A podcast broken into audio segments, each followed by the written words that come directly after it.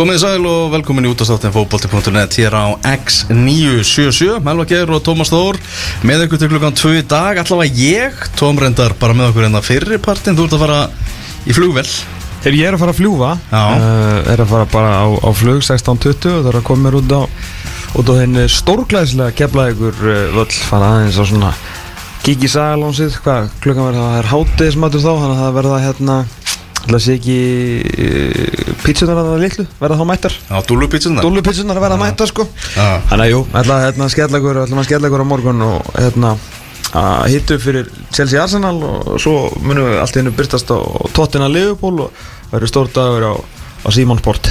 Já, það er nóg að gera, við ætlum að að fara aðeins í ennska boltan hérna á eftir. Mér svona að nota þennan fyrri klukkutíma í það að vera fara yfir fréttir vikunar, fótboltafréttir vikunar og e, þar kemur ennski boltin við sögu. Og svo mun alltaf ég heyri í Daniel Geir Moritz á eftir. Aðeins svona að gefa Arsenal mönnum sviðið, hann ætlar að velja svona fimm uppáðsleikmenn Arsenal frá, frá upphæði, fyrst að Arsenal er nú á, toppnum. Já, verður gaman að sjá hversu óvalega Granit Xhaka er, er þar. Já, ég er mjög spenntur, mjög spenntur fyrir því. Og svo ætlum við hérna að spila viðtal sem að Sæbjörn Stænke tók við Daniel Hafstensson núna í vikunni, það var smá svona káa þema hjá okkur núna e, í þessu dætti og þeim næsta. Mm. það skilið. Það skilu, komnir í, í Evrópu og eh, Daniel Hafstensson hann spjallaði við, við Sæbjörn eh, í vikunni. Og við ætlum að spila það viðtal. Það er, já, ítalegt viðtal, þetta er hvað, ykkur, ykkur haldum í 40 myndur eða eitthvað? Já, tímamóta spjall Tímamóta spjall Já. Já, eins og þeirri þá er Sæbjörn þetta með okkur Já, líka. Hvort er Þór ef, við- ef við breytum sem sagt ef við myndum breyta Akureyrar uh, bæ mm. í Liverpoolborg Mhm. það er svona tvö liðskilur Mm. hvort er Þór núna nærði að vera Everton eða Tranmer Já, þessi gæi Við erum alltaf nærði að vera Evertón alltaf. Ok. Ég er bara að spyrja sko. Það er bara spurning. Mm. Eruð þetta er bara spurning Já, já, já. Ég ætlum bara að sögsta já ég skil.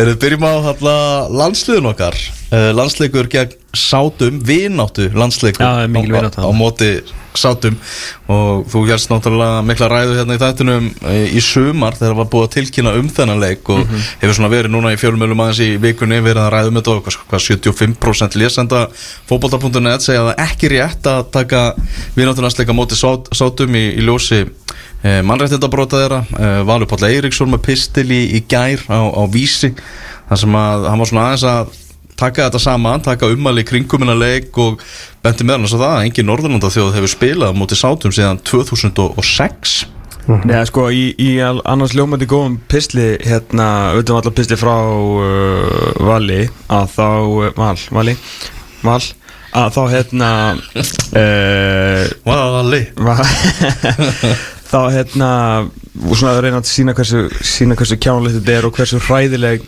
þjóð Sáti Arabia er, sem er náttúrulega, hérna, ég held að segja, eh, versta per capita sem þú getur verið með, hljóta vera aflífanir og aflímanir per capita mm. Þú veist, við erum kannski með veist, mestu verðbólguna per capita skilur en samt sem að skilur við fallegustu konundar og sterkustu kallana og reynasta vatnið per capita sko.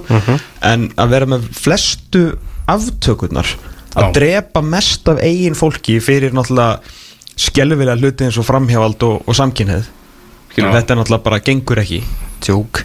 Að hérna Þetta er náttúrulega ræðilegt land. En það sem að kannski, og svo náttúrulega verið að sína fram á þessa vitlisu sem að hérna, vandar að segja náttúrulega að fara að taka samtali við á eins og enginn hefði gert það en það sem við erum að gera er náttúrulega bara að taka mjög virkan þátt í íþrótta kvítþætti, það er eina sem við erum að gera með þessu Við erum að taka blóðpenninga til að rétta við rekstur sambandsins. Ekkert annað. Já, já. sambandsins sem er allt í hennu hérna, kannski ekki allt í hennu það hefur ekkert gegnsæði verið nánast þarna síðan að þráttur að því var allu lofað þegar hérna, Gunni tók við sko. En þetta er svo lítið gegnsæði að það er mér að sagt við ætlum ekki að segja ykkur þetta aftur vil ég benda á það að uh, knastbundin samband Íslands eru félögin sko, og félögin er að vita hvað er að gerast þarna inni. Og þessi peningar á ekki vera veist, falin fyrir einhverjum öðrum sko, það, veist, þetta á að vera þarna og ríkja gegnsæði um þetta. Uh, og það og svo staðrind að knastbundin samband Íslands vilja ekki gefa upp hversu mikinn pening við fá því er að þau vantarlega svona bara hálfpartin skamma sinn fyrir þessu uppæð þessa peningar sem er verið að taka fyrir að spila við þessa ræðilegu þjóð. Já, já. Eða þetta sé í samkomuleginu sáta að það sé bara sami hluturinn. trúnar upplýsingar ja, sami hluturinn sko. Að hérna bara, það sem við erum að gera er að taka þátt bara mjög virkan þátt í íþrótta kvítþætti eða, eða sportswashing uh, og reyna að búa til einhverjar skrýtnar ástæður í kringu það að þetta sé allt í lagi eins og að taka samtalið við þá. Uh, síðan er það sem komið mest á óvart það sem ég vissi ekki sem að Valur uh, bendi á var að Norðurlanda þjóðunar sem að við reynum nú að vera hvað svona mestur hluti af reyndar ekki Jörgundur Áki, hann er nú búin að slíta á Norðurlanda samstæri við mikla ánægi Geir Þorstinssonar Já, en það, þú veist, í öllum tilfellum þá eru við alltaf að elda þessar þjóðir. Já, já, og viljum vera bara hluti af, af Norðurlöndum, skáttur í Skandinavíu. Maður aldrei nákvæmlega hver munurinn er á Norðurlöndum og Skandinavíu, en þú veist, þetta er það sem við viljum vera, þú veist, við viljum vera hluti af þessu, hérna, þessu Norðurlöndum, sko. Hefur það verið ekki, engin Norðurlönda þegar spilað við á síðan 2006 og ég bara, já, ok. Veist, þetta fattaði ekki, en við erum samt alveg, alveg klára, ef við fáum einhverjar 50-100 miljónir í, í kassan, sko, þá getum við alveg glemt einhverjum, einhverjum smá mannréttindabrótum, sko. Já, talandu um það, það kom líka tilkynning frá, frá FIFA til allra þáttökulanda sem eru að fara að taka þátt í HM núna í Katar. Mm þar sem Gianni Infantino og, og framkvæmtastjóri uh, sambandsins FIFA. Já, Fatou Matara eða eitthvað. Já, er, er kona hún hérna og hann þau, þau sendu þessa yfirlýsingu í sínu nafni og þar segi, eru bara sagt basically við, við þjóðurnar að fara að einbytta sér á fótboltanum núna. Nú sem búin að tala nóg um þessi mannréttindabrót og, og, og allt það. Nú er bara að fara að hugsa um fótboltan Já, þetta er náttúrulega rosalega erfið staða sem að FIFA er í uh, að hérna hafa ákveð að láta Katar, aðra frekar svona slæma þjóð allan þegar kemur á mannréttindabrótum uh, fá heimsmyndstaramótið, eða sérst kaupa sér heimsmyndstaramótið uh, og öllu því hérna, og klingri sem að því hefur fyllt fyrir, fyrir FIFA. Og þetta minnir mig mjög mikið á hvort það væri fyrra eða hitti fyrra. Þá var einhver hérna, íþróttafrættamæður í bandaríkjunum sem var að segja við NBA-stjórnunar sem að eru náttúrulega 95% sem sagt, eh, svartir karlmenn sagði þeim sko að hætta, man ekki hvað þú voru að tuði yfir einhverju einhverju, alvarlegu sko, eða ekki tuða, þeir voru bara, sest, bara hérna, uh, svona raise their voices og sagði sko shut up and dribble. Skilur, hætti að skipta ykkur einhverju hlutum, drippliði bara körubóltanum og þetta var rosalega stórt mál, eðlilega þar sem að þeir náttúrulega þurfan ofta að nota sína rödd til þess að reyna að taka á, á okkur málum og nógu nægir nú hérna, nægur vandamálin í bandaríkjunum. Herru, Gianni Infantino tók þetta bara. Já, það var bara shut up and dribble bara hefur nennið að hætta nú þetta er orðið óþægilegt það komið svolítið nálægt móti. Hann held náttúrulega að þau verið sko örgulega löngu hættir að tala um þessi marrændabrót nú væri bara allir að fara í hérna du, du, du, nú væri bara samband í sandi og allir getur að fara að hugsa um háum sko. En ég er ánægð með ánægð með fjölmjöla og hérna að að halda þessu gangandi þetta er náttúrulega er gengur ekki að hafa þetta svona sko. Og þessi pistill var til alveg til að taka botnin úr þessu sko. Þetta var sko höfuð á skömminni það var að henda út þarna þegið og spiliði sko reyna að stjórna þessu umræðu þegar þetta er allt í ruggli. Já, það er svolítið, við ætlum svolítið að fara að dreifla boltanum. Við ætlum að fara aðeins að horfa á, á, á fótboltan Já, þessi leikur verður spilaður. Þessi leikur verður spilaður, hann verður spilaður í Abu Dhabi og landslið er mætt. Við fengið að setja myndir frá, frá KFC það er mætt á, á staðinn. Þetta er ekki náttúrulega landsleika kluggi þannig að þetta er uh, þetta er svolítið svona bestu deildar lið í bland við svona hérna ímsumenn Mhm. uh, og líklegt byrjunalið, þið settu saman líklegt byrjunalið í sitt hverju lagi. Og Sæbjörn, byrjað þú bara. Hva, hvernig er líklegt byrjunalið Íslands Ég seti ekki saman líklegt byrjunlega Ég seti saman byrjunlega sem ég eiginlega vil sjá sko. ok, það er líka skemmtilegt. Já, ég fór í, í líklegt. Já. Ég fór í, í Hákon Rafn í markinu. Já. Hörður Ingi Gunnarsson í hægri bakverði Aron Einar og Damir Múminovits í miðverðunum Lóði Tómasson í vinstri bakverði Nei, ég var með Rúnar. Rúnar, í vinstri bakverði Já. Það var ég var erfiðast að valið var eiginlega vinstri bakverði Sammála. Svo fór ég Július Magnússon sem að gaf kosta sér að lókum Álokum, já. Já, eftir viðtal. Já, hann er svona djúpi sexan í liðinu. Um, Svo erum við með tvær áttur Höskuld og Valdimar. Þór Ingi Myndarsson uh, Hæri kantur Jónatan Ingi. Vinstri kantur Ísaksnær Þorvaldsson. Og fram með Óttar Magnús Karlsson. Það er sem að þrátt fyrir að skora 50 mörg í betildinni í bandaríkjunum komst ekki í first team hérna all uh, USL hann var í second team. Ég minn sko. Já, það er svolítið Já. Það er högg. Það er högg. Já, hans aðdánda hópur með, með Daniel Rúlarsson náttúrulega fremstan í í flokki jú, jú. og mig í öðru seti Hefur verið að kalla þetta því bara Magnús verði bara í A-landsliðinu þar að segja bara þegar landsleika glukkin er opinn. Já þetta er hans moment. Þetta er hans moment, þetta er hans tækifæri fyrir að sína það að hann eigi að vera hana algjörlega. Þannig að mjö, það, það, sko, að hann sé þessum hóp það gerir mig bara svona tvöfald spenntari fyrir þessum leikjum, við erum að keppa líka móti Suðu Kóri í, í þessum klukkan þessi leikur á, á morgun hann verður klukkan 1, 13.00 Já. Er, er Suðu Kóra að fara að mæta bara með jó, Nei, jóðstildin í Japan? Er bara Kádeildin eða hvað það heitir? Já, Þeir eru þeir bara með þeir eru náttúrulega Mæntalega bara með sér Þeir eru náttúrulega einu háum Þannig að þeir eru að gera eitthvað allt annað ekki? Já, það hlýtur eiginlega að vera sko. Ok. En hann hvernig vilt þú sjá byrjunarlið Íslands, Tom? Sko vil ég og vil ekki. Þetta sést nýst um það að fyrst á að spilina leiki yfir höfu og það er verið að velja svona þú veist úrvarsliði Kópavóks og, og nágrinnis uh, og þá svona hugsaði ég að þurfum að fá eitthvað út úr þessu. Þannig ég var svona að reyna að velja eins mikið af ungum gaurum og þá er ég að meina ungum ungum uh, með eitthvað upside sem actually geta orðið landslismenn sem að sér fram á einhverja framtíð þar sem að það var hægt. Til dæmis eru kostirnir á miðjuna finnst mér ekkert eitthvað eitthvað magnaðir sko. Uh, því setti ég hérna uh, Hákur Raffn Valdimarsson í markið það, fergar uh, auglust var standað sem fanta vel í, í Svíþó og náttúrulega bara ungur, ungur maður. Og einn af 50 markurum sem við eigum allt í hennu uh, sko í hægri bakurinn þá byrja ég með Hauka, Hauskuld Gunnarsson. Ég veit að hann er svona alveg að hætta að vera bakurur og ég er eiginlega hættu við það núna af því að við elskum öll Hauskuld Gunnarsson. Hann er einhver besti málsvari og besta fyrirmynd og bara besti svona besti posterbói fyrir bestu deildina. Mm -hmm. geggjaður í fótbolta, indislu drengur kemur vel fram og bara er aldrei vesin á honum, bara kurtis og próður og, og bara kaftin í besta liðinu í Íslandi. Þegar þú tala um högga þá var að hugsa þetta í vikunni. Ég hugsaði að hann var, var orðið það mikil svona fyrirmynd að hann var orðin óþálandi Það er ekkert, Nei, nei, það er það- ekki svartu blettur á Nei, honum. nei, nákvæmlega, það- þetta er eitthvað svona, það er eitthvað í gangi heima.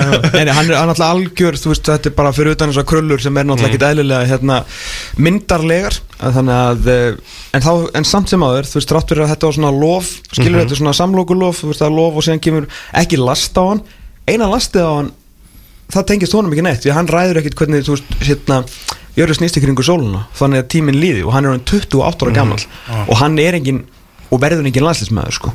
Skilur, það, það, og það er ekkit last á hann, hann er bara, Kennitalan segja það bara. Því miður sko. Þannig að eh, ég var að pæli að vera bara að skipta hann út og uh, setja hátal upp í hæra bakurinn því að það er hérna meira að því ég er ekki að líta á, ef ég myndi hugsa bara heru, þetta er hérna þetta er uh, verðlauna landslið nú er bara að vera verðlauna þá sem voru góður í bestildinni mér finnst verðlauna ló að fá að fara með í þessa ferð. Mm. að þessu sögðu það er svona Damir Múmin og ekki heldur í liðinu mínu að því að uppsætti honum sem einhverju framtíða landslýsmiðveri er engin en hann á meirinn skilið að vera þarna því hann er besti miðverun á Íslandi í dag. Þess að setja Róbert Óla Þorkinsson og Aron Einar Gunnarsson í miðveruna Aron Einar fær að vera þarna sem bara kaftinn og hún ætla að stýra þessum guttum sko. Og svo verið sammála með Loga Rúnar. Það munar einu ári á þeim eh, en Rúnar virðist vera hérna, að fara út. Nei, mm. tveim, nei, Logi 2000 að hérna Úst, að fara út og meina logi er svona meira limbúið þannig að ég ætla, hérna, ég ætla að hafa rúnar uh uh, sammála því uh, Júli Magg á, á miðunni verist, ég held að hann sé líka á leiðinni í atvinnumennsku ég veit að hann er 98 en það er alveg ennþá svona landslýs séns fyrir hann sko þó mér finnst það kannski svolítið tæft Hvert er júl að fara? ég, eitthvað, eitthvað bjöldildar Danmörku dæmi sko Aha. bara hérna, held þetta tengist eitthvað bara uh, konun hans og eitthvað þannig sko að, að langa bara að taka skrefið, gera eitthvað, gera eitthvað annað sko Fara til Lyngby eða? Það er alveg aftur í bjöldil Já, Það er nokkuð ljóst. Það get, getur ég að við skulum ekki afskrifa það er alltaf sko, setni hlutinu eftir í Danmarku sko, við fyrir ekki afskrifa að freysa núna. Uh, var þetta fínt að við myndum hægt að gefa mörg en það er hann að mál uh, ég ætla að setja Dag Dan bara eins og segi, upside í þessu og svo var ég með ég nefnilega þetta var í tölvunum minni en ég get ekki tekið hann úr töskunni því hann er ónýtt. Hvern var ég með á miðunni? Ég setti Viktor Karl held ég líka. Uh, Já, rétt. Já, Viktor Karl á miðuna Hæri Jason Daði Svænþórsson Vinstramegin Ísaksnær Þorvaldsson Frammi Óttar Magnús Karlsson. Já, Þetta var svona uh, mínútur fyrir menn sem ég sé mestmægni sé að veri vel landslismenn og mér er alveg saman á þetta höggi spili hann á það alveg skilið af því að ég veit ekki hvernig hötti löp endar sko. Já, þessi leikur á, á morgun á móti sátum og svo verður Suðu Kóriðuleikurinn, hann verður á föstudaginn. Og svo í kjölfari byrja séðan Eistrasaltsbyggarinn og hann er inn í landsleikja klukka þannig að verður valinn annar hópur fyrir, Ver- verður hann það- fyrir það verkefni. Er- veistu-. Það er það að vera- já, það hlýtur að Þetta er alveg rótgróði mót sko Já, ég með þú veist, er hann sýndur á Íslandi sko Það er góða spurningin Nei, það er, það er ekki komin einn tilkynning það Nei, Við náttúrulega verður allavega síndir á Viaplay svo ég. Er það? Já. ok, flott Það er svo leys Herðu, förum aðeins yfir í fréttir úr, úr bestu deildinni Hvað var að gerast? Eh, Búið að vera erfitt ár fyrir skagamenn En miðvíkudagurinn, það var frábæð miðvíkudagur fyrir, fyrir Já, skæðan það voru, það voru góð, góð, góð dagur, já, var þetta ekki þriðutaskvöldið? Ég held það.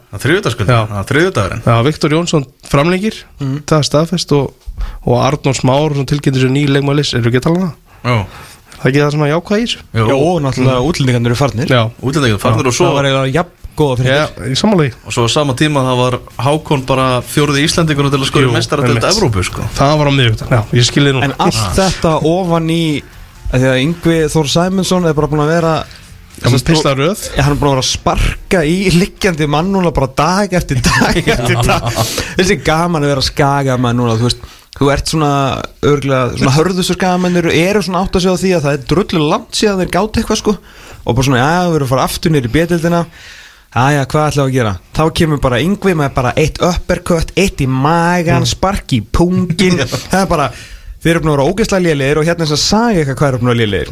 Svo eru búin að alltaf mikið heimamennum að þjálfa sem veit ekki raskat. Svo eru búin að vera ógeðslega lélega útlendinga En þeir eru enda með mjög góða ungastráka Nefnum þeir fara alltaf út svo snemma. Gleðilega góða helgi. En það er geggju- greinaröðsan sko, og allt satt sem að, sem að stendur þarna sko. Artur Smára og, og Viktor Jónsson Það er mikla líkur á því að þeir verði í liði ásins í lengjudeldinni Ef að setja það bara strax eða? Já, ég held að Já, segja Ég ætla að fara hægt að mm. að er er þetta stærsti ferill, veist, sem er, hefur spilað í dild? Nei, Það ekki? er búið með, ég er að tala um, veist, Aron Einar, Aron Jó, þeir áttu eftir sinn ferill, Egil Sverrisson, áttu eftir að spila. Helgi Sig Helgi sig á auðvitað. Helgi- Gott sjátt. Not even close Já. Champions League mínútur sko Ég ætla að henda honum þá Já. Og, annars, og, og annarsættið. Annars Náttúrulega Artur Smára í slatta af landsleikin þá eru svona flestir náttúrulega bara svona innan svega bjölandsleikir og, og æfingarleikir sko Já, þetta er samt alveg, alveg reysa Feðu út þetta- líka að tala um félagslega fyrirlið Já. sko. Já, þetta er eitt stærsta nafn klárlega sem hefur spilað í, í næstæstu deild en, Og vera hann en líka Helgi bara Sig hann sko. Já, mm. og verið líka hluti af þessum Ég veit að hann spilaði aldrei neitt En, en svona skilur að vera í þessum 23 mann hóp Nánast í gegnum alla gull Kíslóðunum sko. Er Spilaði á þessu lokamóti mitt, já, hún alltaf, með Já, gullskynnslu. Einmitt, einmitt, einmitt. Startaði hann alltaf fyrsta leik. já. Er Rúri Gísla var á bekknum eða menn Mm, já, heldur þetta Já, en ég fagna því að, að grannar okkar hérna hinnum með fjörðin hafa allavega fengið hérna fengið uh, smá svona jákvætt jákvæða Þeir þurftu á þess að halda eftir, eftir vikuna sem að, sem að hérna, Kingvi böði með fór sko. Er skamenn hættir að fara inn á vísi bara tekur alltaf á Veistu, ég heldur að það bara mjög gott að þessu. Að því að hérna, einmitt, ég held að hétt ekki þjálfaragrein hjá yngu að hérna, sérst, ekki glögt er gest auga að þurfa er glögt gest auga eða eitthvað sko. Já. og ég held að bara að það hafi bara verið svolítið gest auga einmitt fyrir þá sko. Aðeins að benda þeim á að Ég meina skamenn þurfti á naflaskóðun að halda og yngvi bara tók þess að naflaskóðun fyrir þá. Já, og bara gratís, það var bara í bóði sínar. Já, vel gert. Vel gert. Eh, Hákon Arnar á móti Dortmund. Já, Hann var geggjaður. Já. Hann hljóp, ég held að segja það að hlaupa. Já, öruglega, Já. hann potið hlaupi heim. Mm. Já, einhver sagði um hann að fer bara með metróim Ég held að hann hefði bara hlaupið. Já, hann hlaupi sko Þess þegar Hákon fyrir að hlaupa þá hleypur hann geðveitt hratt í Já. 5 sekundur og svo fýlir hann, þú veist, hann er bara í high intensity sprettum. Hann hleypur ekkert, skilur, annar En hann setur vist bara á sig bakpokan og fer bara upp í metro þegar hann er að fara bara í, í, á parkan sko. Í alvörunni, er hann með bílpróf? Það er frábær spurning. Jú, það ekki? Ég er ekki vissi að það gæ- gæti alveg verið sko. Hvað er hann gamall fyrir þá sem ekki veit Hann er 19 ára. Hann er 19 ára, já og svo bara mætti hérna Freysi og sagði að hann veri besti pressusendir í Skandinavi en eru það yfir öll Norðurlöndin? Nei, nei. Bara í Það Skandinavi er Danmörk, uh, Svíþjóð, Norður og Finnland þannig að hérna Já, það var, var alveg hól sko því að maður, hérna, þú veist, tráttur að við myndum vera eitthvað, hann er nefnilegasti pressursendir, þú veist, þá veit að, þú veist, það veit allir að við vitum ekkert sko, Já. þú veist, bara hlusta því að það hafa ekkert að gera, en þannig að þetta var alveg hól frá, skilur mannin sem að, einmitt, ekki bara þjálfari í Superliga, heldur náttúrulega hefur líka unni sem, þú veist, greinandi og skáta mjög háu leveli, þannig að heyra þetta frá Freysa var, þá svona mamma bara svona, Herru, hvernig er næstu landsleiki? Já. Hvernig get ég séð hann aftur í bláu, bláum en það drullu saman hvað hann gerir með FCK sko. Ég er mjög ánægð fyrir Já, hans öndur já. að gera eitthvað en það hefur ekki áhrif á hjarta mitt sko. Langþráð mark, Íslands mark í meistaradeildinni Já, algjörlega, Já. algjörlega og bara fjór, að því við nú erum búin að vera raðin mönnum Sko ég mani, ég gerði greinina í fréttablaðið þegar að eh, ég held að Birki Bjarna hafi orðið 11 til að spila þá var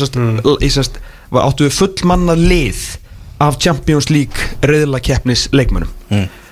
Uh, nú held ég, þú veist, síðan það hvort það var hann eða Hörðurbjörgvin sem var að bæta þarna við, sko. Nei, ja, það var Birkibjarna, svo hérna svo átt eftir að koma sko Hörður og Arnór og núna FC Kástri, við erum að nálgast ykkur að 20 Champions League leikmenn, sko. Já, vel. en hann var bara fjórðið sem skorar fóðalmark Já.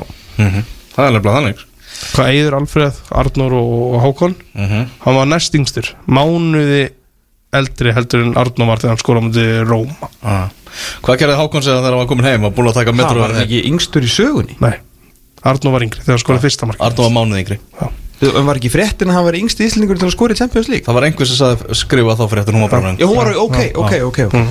Það var ekki við. Nei, það var ekki við. Brynjar Ingi var með þetta alveg hann setti þetta á Instagram og allt Á Æslandu sko, á einsku náttúrulega Já, Já, sko, það. já, já, já. Já, það allavega var skoða og Arnór var yngri sko. og það, ég meina til hann lífur ekkert Nei, nei, það var eitthvað að fara yfir þetta á skaganum bara funda um þetta já. Þetta er eiga á báða, hann skiltur ekki öll Akkurat Hákon maður leiksins, fór sér hann heim hann í metrónu og hvað fór hann að gera þá? Þegar hann búin að aðeins ná sér niður eftir leik þá sendi hann skilabóð á Oliver Stefánsson Ah. fellow skagamann Mm. og spurði hvort hann var ekki til í að fara í smá tölvuspil? Já, þetta er mm. Er ekki í Minecraft saman, Á strákur Minecraft? Minecraft? Já, það er alveg ok, það er þetta geðvitt það er ekki fyrir því séu svona klárir maður. Er það ekki, Já. þú veist, það er svona leikur sem farið til að hugsa. Það er uppbyggilegur leikur held ég. Ég myndi segja það. Já. Eithor Völler og Alex Freyr staðfestir í breyðablík Þetta er náttúrulega eitthvað sem að vita var að myndi gerast en það var svíin mætti núna í, í vikunni. Mm -hmm. ákveðt sér Á Bæði Eithor Völler og Alex Freyr já, það var, það var líka geggja þegar þeir tilkynntu annan en settu mynd af hinum Já, til þess það að var- endalega tryggja að þau væri báður að koma. En, en, en hrigalega flott særing hjá þeim báðum. Og ég ránaði með hérna uh, Alex Frey sko. Bara þú veist, eitt góð tíumbil í þessu deild og bara mættu til þess að sína þessi besti hæri bakurinn sko, Mhm. þetta er svona ég held þessi attitút sem að uh, Óskar vantilega alveg elskar því að ef það er eitthvað erfiðara en að vinna titilinn þá var það að halda eitthvað svona sustainable excellence eins og Breiðablík þarf að gera núna. Og kemur inn með leikmann sem að kannski hefur ekkert eitthvað svakalega mikið efni á að tala svona en þú veist hann gera það samt alveg eins og Ísaks nær gerði fyrra. Við bara mættu til þess að bara valta yfir menn og vinna þessa deild. Og hvað gera hann? Allan að framan að valta hann yfir þessa deild og valt, nei, valta hann, yfir hana og liði yfir hana. Og ég held að þú eiginlega ef þú ætlar að funka í þessu blíkalegi þá þarfst annarkort að vera brjálaðislega sko humble og bara svona gera hlutina eins og, eins og höggi eða vera með eitthvað svona bara bang attitude, þú veist eins og Ísak og Damir og greinilega Alex sko. Akkurat. Og líka hörku helvitis leikmaður og geggja tímbil mm Mér fannst Alex svolítið gefið skinn að að hörskuldur var jafnvel búinn búinn sem, ekki búinn en er það ekki áfram hæri bakur í liðinu. Eins og það var í loka leikinum að Andri Rapp Jóma var búinn að taka stöðuna Já. og hörskuldur bara færir framann Ég er svona smá tilfinningu að muni byrja þannig næst tímbil e, e, gæti þetta ekki verið eitthvað svona höggi gæti, gæti tekið Evrópuleikina og kannski leiki gegn Víkingi Já. eða þú veist val eða whatever bara svona fyrir eftir svona taktista því að uh, ekki það að alls eitthvað slagur varnamöður sko, alls ekki Nei, en, þetta var eitthvað meginn upplegið síðust ár hvernig þetta hefur verið Já, en hann ætti að all, smetli svo hérna, flýs við rassinni í þetta lið og ef að Jason fyrir út eða hvað, veist, hvað er vinnberið við erum að segja með það?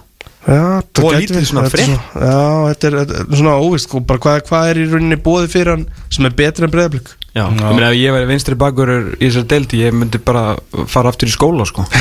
Og Jason, Vi- Vitandi af Jason og Alex Frey komandi hann Jason það er náttúrulega eldri heldur en svona margir Ég- ég veit það, Hann ég er veit það. 22 ára sko. Já, hann er því miður uh, að renna svolítið út á á svona þessu resale value sko, þó að, að sjálfsög geta liðið tekið, hann er frábæð leikmaður. Mhm. Eithor og Alex báðir svona mjög met- metnaðarfullir og líka með mikið sjálfstrust sem verður að fara, fara með inn í þetta í hvað hlutverk heldur að Eithor Völler verði hann að um, Þetta er mjög góð spurning Hann gæti byrjað nokkra leikir Ég sé hann mikið sem bara eitthvað svona varamann sem kemur inn á og sprengir hans upp sko. Já, Já. það er, það alveg, alveg spurning hvað breyðablík mitt gerir þegar þurfa einhvern annan frammeirhæli Já. inn, inn eftir að Ísak fór sko. en hann er vist enn eitt dæmi bara um mann sem er búin að leggja alveg bilað mikið á sig og búin að taka miklum framförum á, stutnum tíma. Mm. Ég, maður spyr sér alltaf af hverju menn eru að gera þetta veist ekki, hann sé eitthvað gamalt sko en eins og ég sá uh, einn af mínum uppáðasleikmannum Adam Ægir Pálsson var að fagna hann að stóðsendinga tillinu sínum. Já. að þá var, þú veist, að byrja á aukaæfingunni núna. Kannski verið sniðut að gera það fyrir nokkur árum en, en, en það er betur sent en aldrei Já, skilur já, og minna, það heldur betur að skilja sér það er hrikalega hefðlíkar eitthvað strákur. Já, það gleymir svolítið að Eithor Völu var bara hluta af öllum yngri landsliðum bara fram í U21 sko. Já. það var bara var einn af, einn, einn af þessum köllum sko. alvöru? Já, svo bara Þú veist, uh, fær hann ekki sensi strax í að, þú veist, loka árunum í afturöldi og dættur hann hans út kannski Já, og svo er hann núna að koma aftur upp sko. Er spila maður. Já, og Óskar Rafna að halda áfram svona að taka uh, gómsæta bita úr liðum í, í næri hlutanum. Er ekki hann að byrja bara að rúlla þessu til hann svona svo mikið bliki? Ég held að þessi orðið eitthvað algjört, algjört samstarf þarna. Þessi er úr Moselsbæð, tjekkum á þessum Samstarf. Hérna, byrju það er eitt, eitt með þetta uh, þetta kom mér að svo óvart liðin af því að Eithor var nú frekar hreinskilin í þessu viðtali bara liðin sem að höfðu áhuga á honum. Þú veist, breyðablík og svo var það stjarnan og kepplæk það, er, það voru engin önnu lið í toppartinu svona, að topp toppartinu. Svo hvað kom mér að svo veist, kannski er Óskar að sjá hvað sem að henni sá ekki sko. Já, getur vel verið.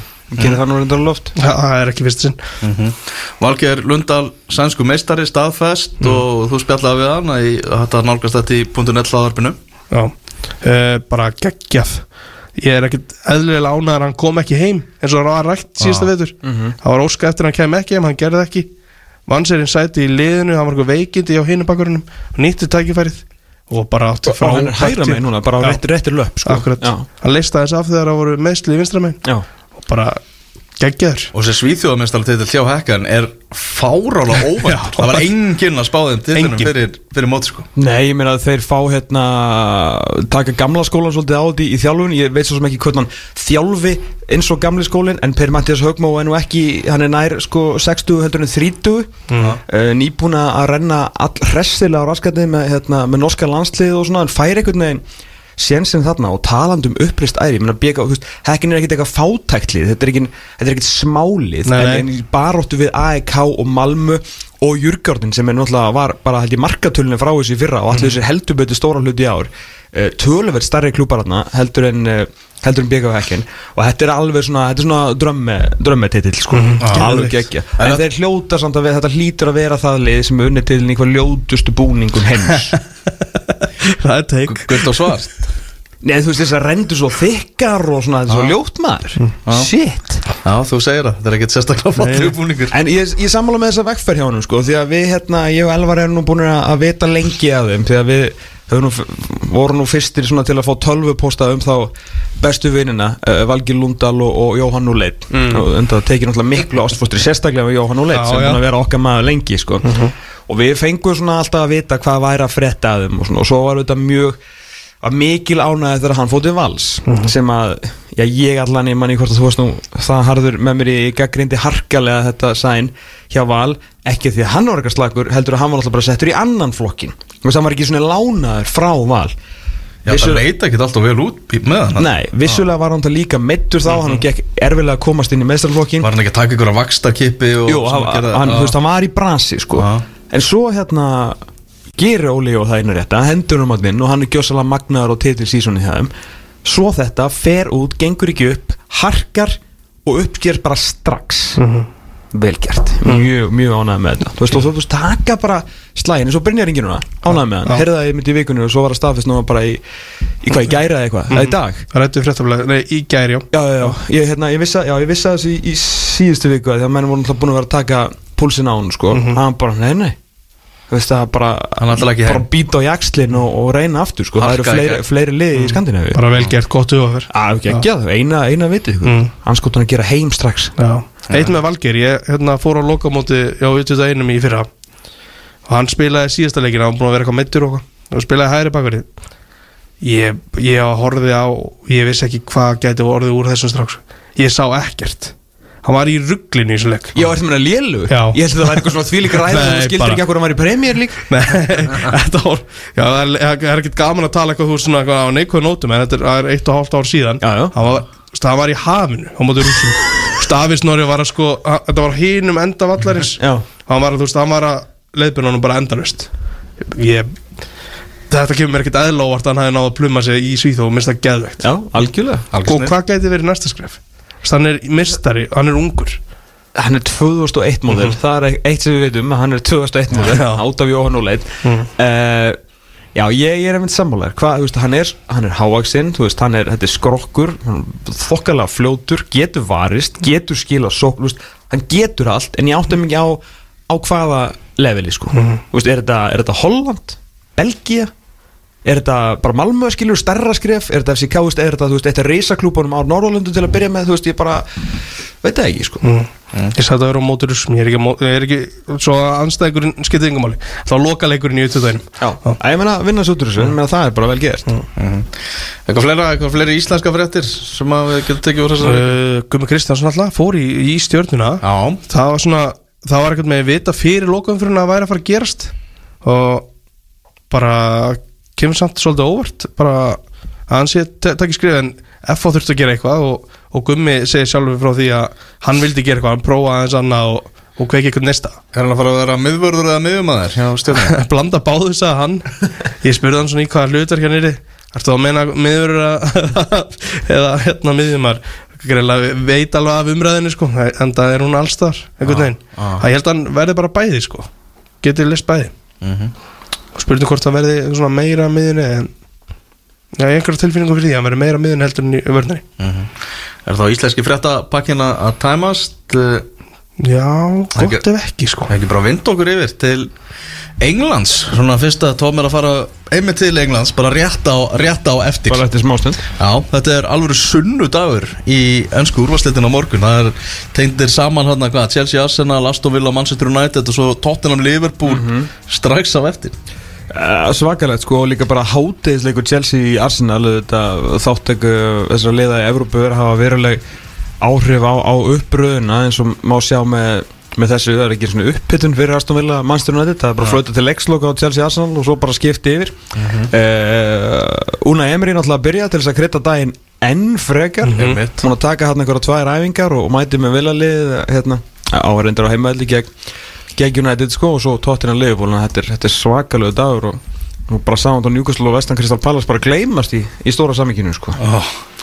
og það er hérna tveir aðri leikir. Það eru tverja leikir og það er mér svo sko fimm leikir uh, í dag. En þetta er engin hátegisleikur Mm. ég held að Chelsea Arsenal hafi mögulega átt að vera hátegisleikur en það hafa búið að eitthvað færa þetta sko. Það er bara svona tilætni til þess að skvetta rækilu og klaufunum í kvöld og vera bara upp í sófa allan morgundaginn þú er ekkert annað að gera Fá sér bara heimsendan mat og... ískallt og bara allt heimsend og ekki, ekki spurning, bara muna að eiga viðgerðabauk sko og vill ekki lendi því að þurfa að fara í lúuna og olveri, þú veist, opna sko hérna, hún segði hans eitthvað hún er nefnum tröst sko og pókan er ekki lengur gráir það var alltaf vond að þurfa að lappa kannski með, ekki að ég þetta lendi en að- horfa að þurfa að horfa eftir mönnum sko kannski, tvo túbor klassik í gráum ruslapoka, það var ekki gott sko. En þeir eru hvíti núna, sagði vinnu minnir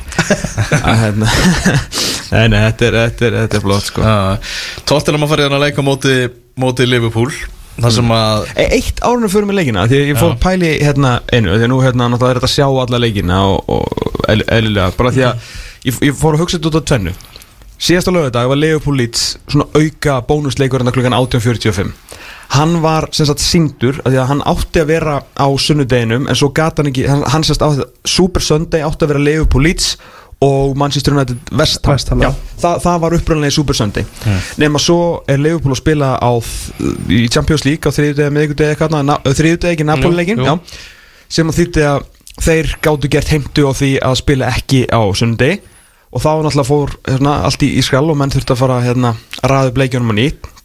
Þannig að þeir voru fariðir á þennan þeir samþuttu þennan sest, late evening lögadags kick-off tíma mú- múti Leeds og allt í góðu.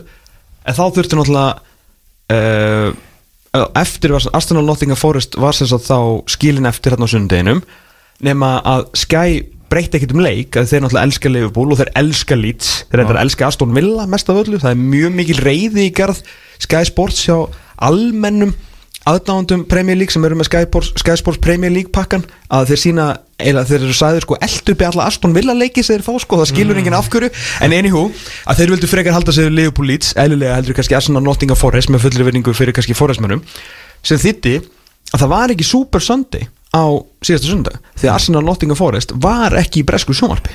Pæliði því. Mm -hmm. standalón leikur á sunnudegi sem fó bara fram skilur fyrir luktum, luktum sjónvörpum í Breitlandi ég fannst það svona merkilegt því að auðvitað var veist síndur á, á Íslandi og náttúrulega á allstar nemi í Breitlandi sko. síðan voru ég að hugsa þetta áðan í gær þegar ég sá hérna á Twitter hjá Liverpool uh, Fertugs hérna Neil Mellor er fertur í, í hérna, annarkvort, í gær held ég hann er orðið færtur og verið að revju upp marki sem að skora á mútið Arsenal, einhver sigur marka mútið Arsenal þegar allir held að hann væri hérna nýji Steven Gerrard, verið getur þessu marki 2004 eða eitthvað, alveg ruggla mark sko. Uh, ég veit að það, ég man, ég, var, ég, man hvar ég var þegar ég sá, sá þann leik og horfði á hann en það var náttúrulega Arsenal leikur, standalone leikur sem allir síndu en þá verður bara að pæla hvað er svona mikið af leikum þú veist, eins og Portsmouth endurbjörguna tímbilið þegar Anders D. Alessandro var maðurinn og veist, allir þessi svakalegu leiki sem maður sá eftir að skjár sport á sínum tíma kom fyrstir inn eða sérst fengu þessu undan þá að fá sína alla leikina sko og svo framan á stöðu sport og núna sérst fengum við alltaf duttu við í COVID-lukupottir með að fá þetta aftur í raun og veru tilbaka eftir að nokkur ára á þessu lockdowni sko. bara hvað þetta hefur skilið eftir margar furðulegar minningar að hafa getað séð alla leikina þú veist í staðin fyrir að bara eins og þetta var þetta hérna, 3 o'clock blackout, blackout skilur kom til okkar líka að það var bara eitthvað bara eitthvað Callum Wilson var að setja hann stöngin sláin stöngin inn og ný og, veist, og vissi engin eitt sko. Nei, nei, sá þetta enginn Þau veitir bara býða þetta mann svo þetta eigin Já, ég að vera sko, ég veist bara að það er bara, ég man svo ég man svo rótstert eftir þessu mellormarki sko, að það leit líka alveg eins út og Steven Gerrard. Já að það var ekkit annað í spilunum en hann yrði Steven Gerrard sko, en það gekk ekki alveg. En nú er núna umræða svona Breitlandi hvort er ættu að loka át að blakka át þannig klukkan þrjú á lögatöfum og fara sína, sína leikina. Já, og Skype best, best meðal annars mikið á móti því þið er óttast að þá sé verið að fara að dreifa sjómasréttinum enn frekar að þið sé að fara að selja bara staka leiki klukkan þrjú bara Já. það dreifist á einhverja tíu aðila eða eitthvað og Championship-deildin er sko það er verið að ræða blackouti þar Ah. uh, ég held að þessi engin leikur bara síndur í Championship á lögutum sko Ah. þú veist alltaf förstasleikurinn er síndur og ég held að sé engin, allan ekki þrjöklokk kekkuð, aldrei sko nei. Og Championship-legin eru brjáð því að þar er actually, að því að sjónvasettur er náttúrulega ekki það stóri í Championship að þar er actually skiptir mál að fá fólk á völlin ég veit að skiptir máli í League en samt ekki stóra samenginu mm. glemur því ekki að Norwich sem að í fyrra á hans að reyna að spila fótbolta fekk 100 miljónir dollara, nei fyrir ekki 100 miljónir punta fyrir það eitt að veist, mæta þannig leiks 38 sinnum eh, sem er tölvöld meira heldur en veist, Darby rækarinn í Championship á hérna miðasölu en miðasalan skiptir svo miklu máli í Championship út af því að sjónvasetturinn er ekki það stór að þess vegna er allt vitt, það er tókstrættan svo svakileg félögum vilja alls ekki missa blackoutið og meðan það er alltaf, þú veist, auðvitað er alltaf allir að býta sem að sína meiri sjónvarpi og það eru auðvitað fullt af, þú veist, skilur sjónvarstöðum sem var alveg til að gera eitthvað meira úr betildinni svaka klúpar hann Já, alveg horrið sko Erum fyrir þá aðeins í þennan leik Tottenham og, og Liverpool og aðeins um Tottenham þar sem að Tottenham er að spila núna í meistaradildin í vikunni í þessum bara skemmtilegasta riðli sem að það séð í langan tíma í meistaradildinni bara næst síðasti keppnistafurinn og síðan svo síðasti bara ruggli sem að var í gangi þarna. Og á þessu loka degi náttúrulega þetta var eins og þvottavél þessi riðil Já.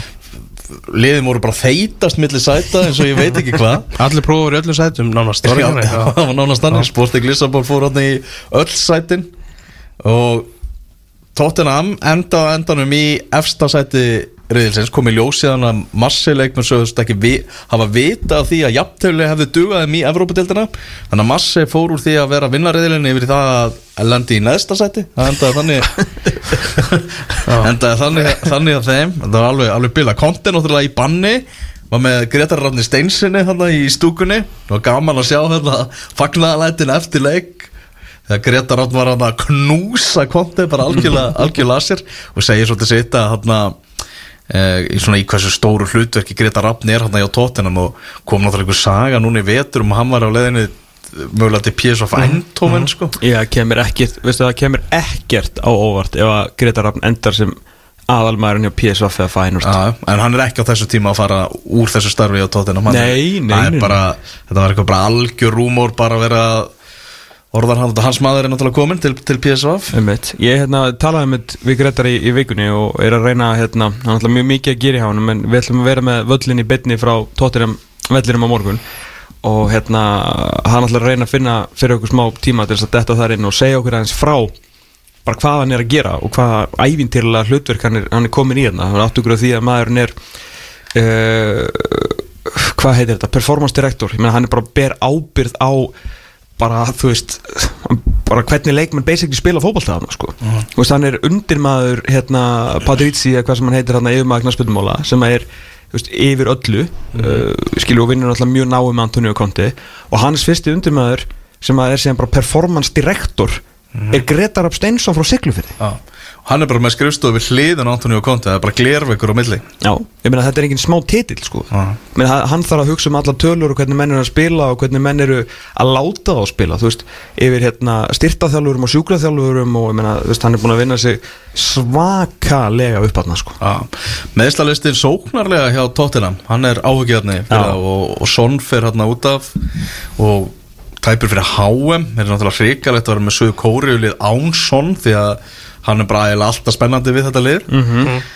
og Menn eru svolítið að mikið að detti meðslunum á kortir í mót Já, ég var að leggja til að ég myndi reyna að fá Martin Breithveit á svona neyðar Það myndi gera mikið fyrir liðið. Neyðarköfum Já, þetta hann Þetta er náðu alltaf að klára Klára þennan leik En þetta er að vera svolítið þunnskipa hjá þeim hann framávið Já, og bara rosalega mikil óan eða, maður er alltaf með að vinna litla Twitter heim sem maður lifir í sko að Íslenska þá sérstaklega ég hef kannski ekki alveg nefnt að kynna mér spjallborinu á tóttunum en maður sér að svona stuðnismenn tóttunum á Íslandi eru alveg eiginlega búin að gefast upp á kontið þráttur að sem með þá í ykkur 23 stegum nánast í titilbaráttu að minnstakosti frekar þælur í Champions League baráttu komin upp úr reilinum í, í Champions League og hann er bara það versta sem að bara Guð hefur gefið mennunum hjá Tottenham sko. En það er náttúrulega út af hvernig hann spilar hann er náttúrulega mjög sjaldan með eitthvað eitthvað plan B?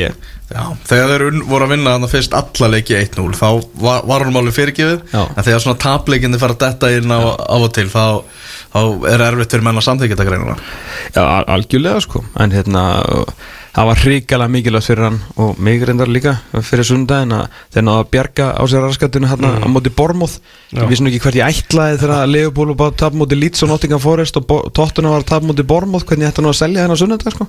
Að, hérna, en, en var svona smá peppi á að Leopold vann nú Napoli Og hérna, veitum náðu ekki efstasætinu En það var svona, svona smá meðbyrjum báðuleginu Já, En maður er samt verulega ágjur sem meðslega vandræðum Já. Tottenham sko En svo náttúrulega verður að tala um, þú veist, treytuna hjá einhverjum í Gard Það er náttúrulega líka þetta, hann er að verða samlingslausi sumar og það er bara svolítið svona einhvern veginn að yfirtaka umræðana og hann tala sjálfur og umræðan er svolítið þannig að hann sé allt og stór fyrir hennar klúb Al, Algjörlega, hann talar Ef ég verið stundin sem á Tottenham þá færi þetta miklu meiri töðunar á mér heldur en hvernig liðið spilar per se uh, bara hvernig hann talar um félagið. Hann, með því að tala félagið alltaf svona ógeðslega mikið niður veist, hann er alltaf að gera það til þess að Daniel Levy brotni og gefa honum fleiri leikmenn því hann, minna, konti vinnur bara þannig eins og með Inter að hann fær bara allar, veist, einhver unga leikmenn hann vil bara fá nóg af djúversins reynsluboltum og vinna ykkur að titla. Þú veist, það er það sem hann gerir.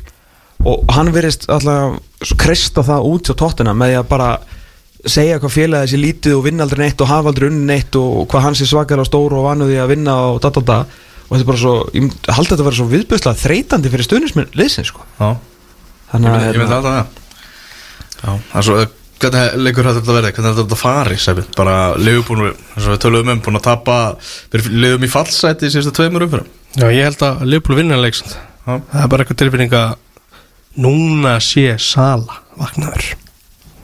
Ég veit ekki af hverju, en þetta er bara tilfinning. Já, ég er kannski ég veit ekki alveg með Sala en ég er samt sammála, ég held að, held að að vinna leik sko.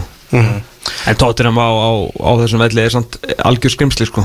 Mm. Algjörlega, þetta verður- hörkuleikur Já, alveg leikir í, í ennska bóltanum Það voru dreigið í meistaradeildina og svo í umspilið fyrir Evrópadeildina á mánudaginn. Það verður mikilvægt fyrir uh, eitt enslið allavega. Já, það er náttúrulega alltaf verið að ringla í þessu mótafyrirkomulagi og nú er það þannig að útskýr þetta fyrir mér í guðanabænum Já, þetta er bara basically þannig að það voru bara liðin sem að unnu riðlana í Evrópadeildinni sem fara beint í 16. úrslit deildarinnar. Ok. Liðin sem endur í öðru sæti þar á meðal Manchester United fara í tvo umspilsleiki um að komast í 16. úrslit. Þannig að það er búið að klippa út sérst 32 úrslitin. Já, Þess vegna er þetta svona. Eða þá að áttalið sitja hjá í 32 lögslum Hvernig sem maður vil orða það. já, já, Já, þannig að og Manchester United er að fara að mæta einhverjum af liðunum sem endur í þriðja sæti í meistaradildinni Mm.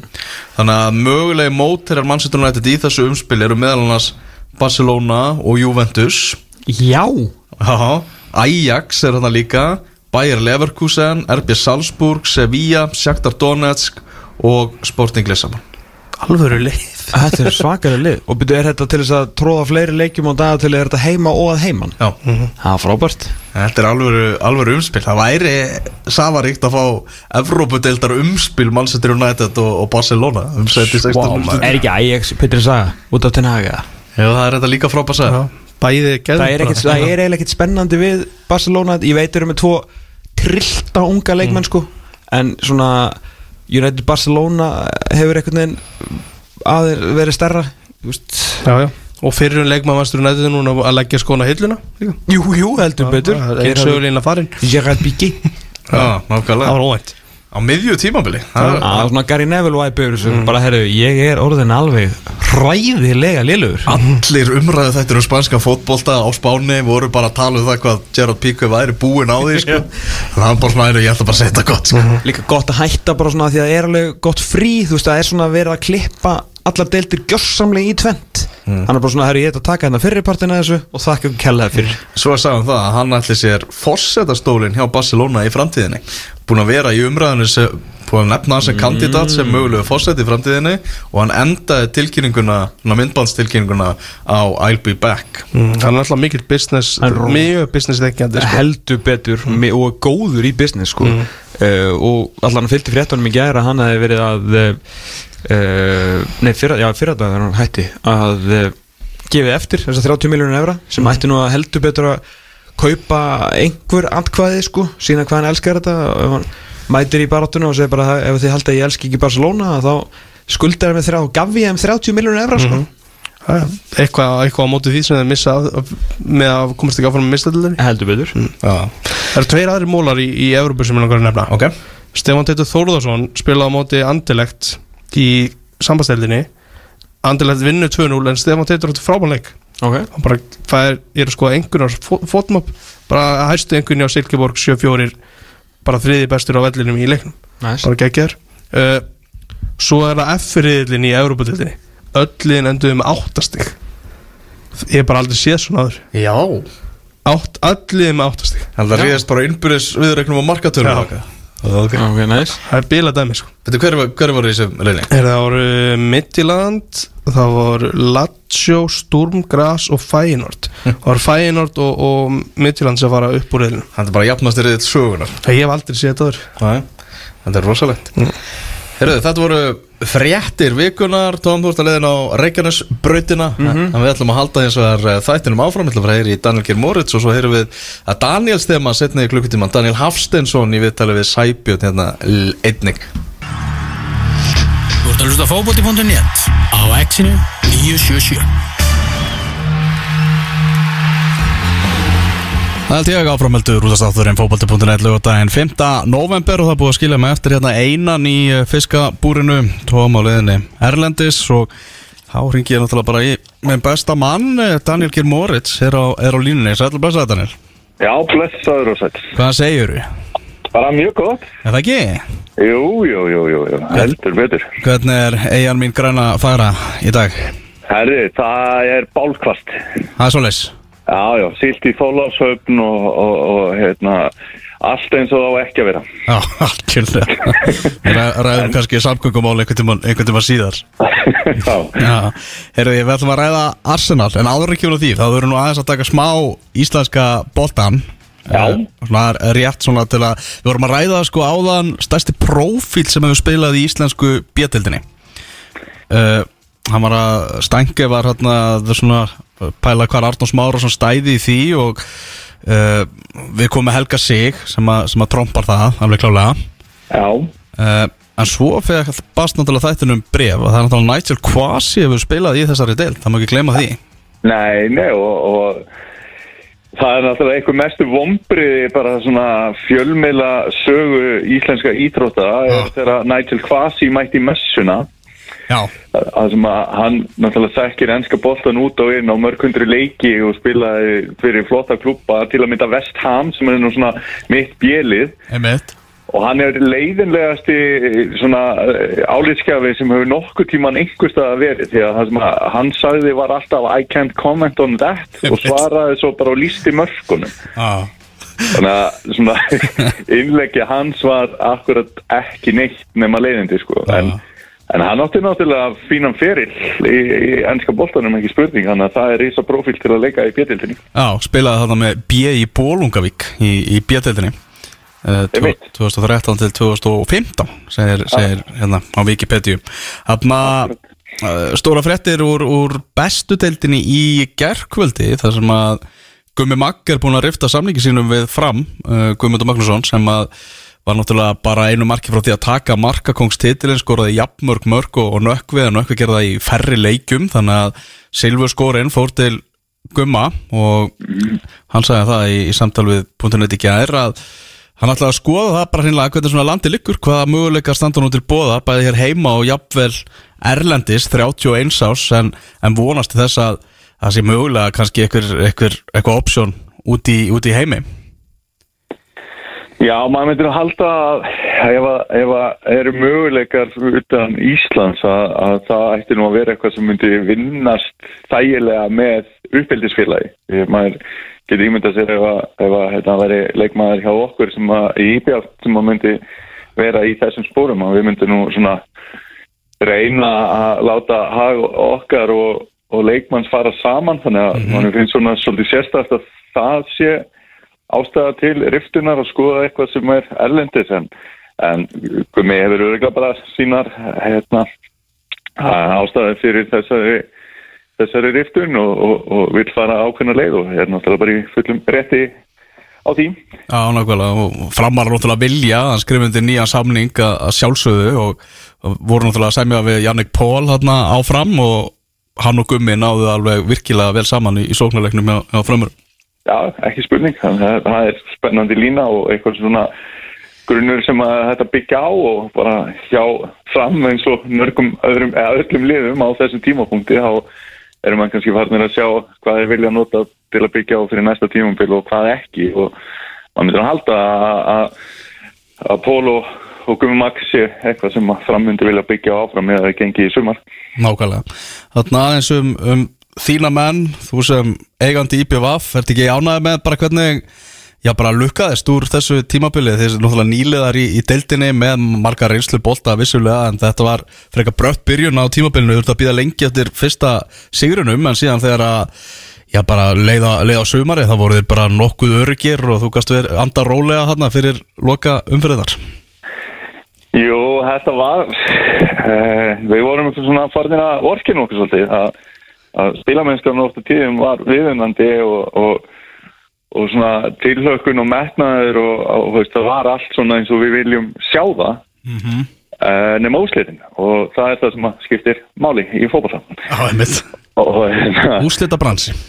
þetta er úrslitabransi og það var náttúrulega og, réttilega svolítið svona fyrst ge- gert kannski svona ákveði grína að Hermanni þegar hann var að benda á þessa þætti og, og svona að menn hætti ekki fara að horfa of mikið í þetta en hann var náttúrulega líka svona uh, undir slagsíða sem að var að að hérna, reyna að benda á í, í þessu að, að þetta myndi þá koma ef að þetta væri í lægi þá væri væri eitthvað til þess að byggja á. Og svo þegar finnst náttúrulega þessi ótrúlegi sigur hérna á heimavelli hjá á móti val þar sem að Haldur Jón skoraði þrennu. Einmitt. Að ég held að frá og með þeim leik sé breyðablík með betri árangur í stegasöfnum í dilfinni Já, nákvæmlega. Eng, engungu þannig að, þannig að stegasöfnum þetta er svona aðeins aftan án, ábyrðar þess að það svona kasta fram. Já, þessi leikur á móti, móti, IBF Valur, ég var einmitt í hérna, Rotherham, það var EM Kvenna var í gangi hérna á sama tíma, þetta var dagurinn fyrir leik á stelpunum.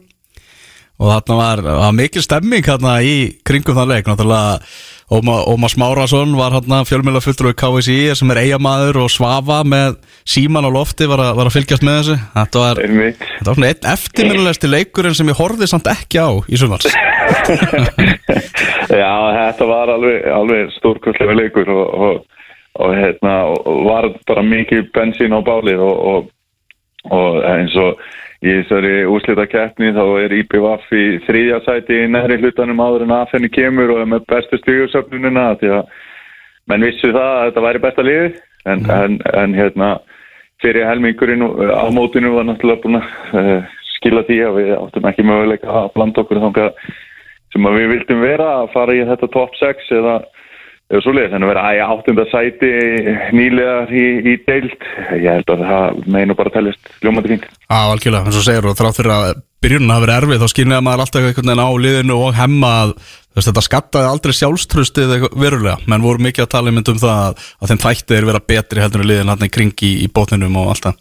Já, og það má nú kannski má nú kannski segja líka að, að hérna þetta er náttúrulega rosalega mikil íþrótt að eiga og, og, og, og margir sem að hafa mikla skoðanir á hlutunum og, og hika ekki við að leipina manni hvernig á að gera þetta og það er saman við göttunum sem er náttúrulega bara gaman að það er náttúrulega væri hundheilegt að maður væri ekki stundum að að spjalla eða takast á eða fá að heyra eitthvað sem að- er vel gert eða eitthvað sem mætti vera hans öðri sig En þrátt fyrir þessa afleitu veist, við erum með 5 stig fyrir leikina móti val sem er í 13. umferð.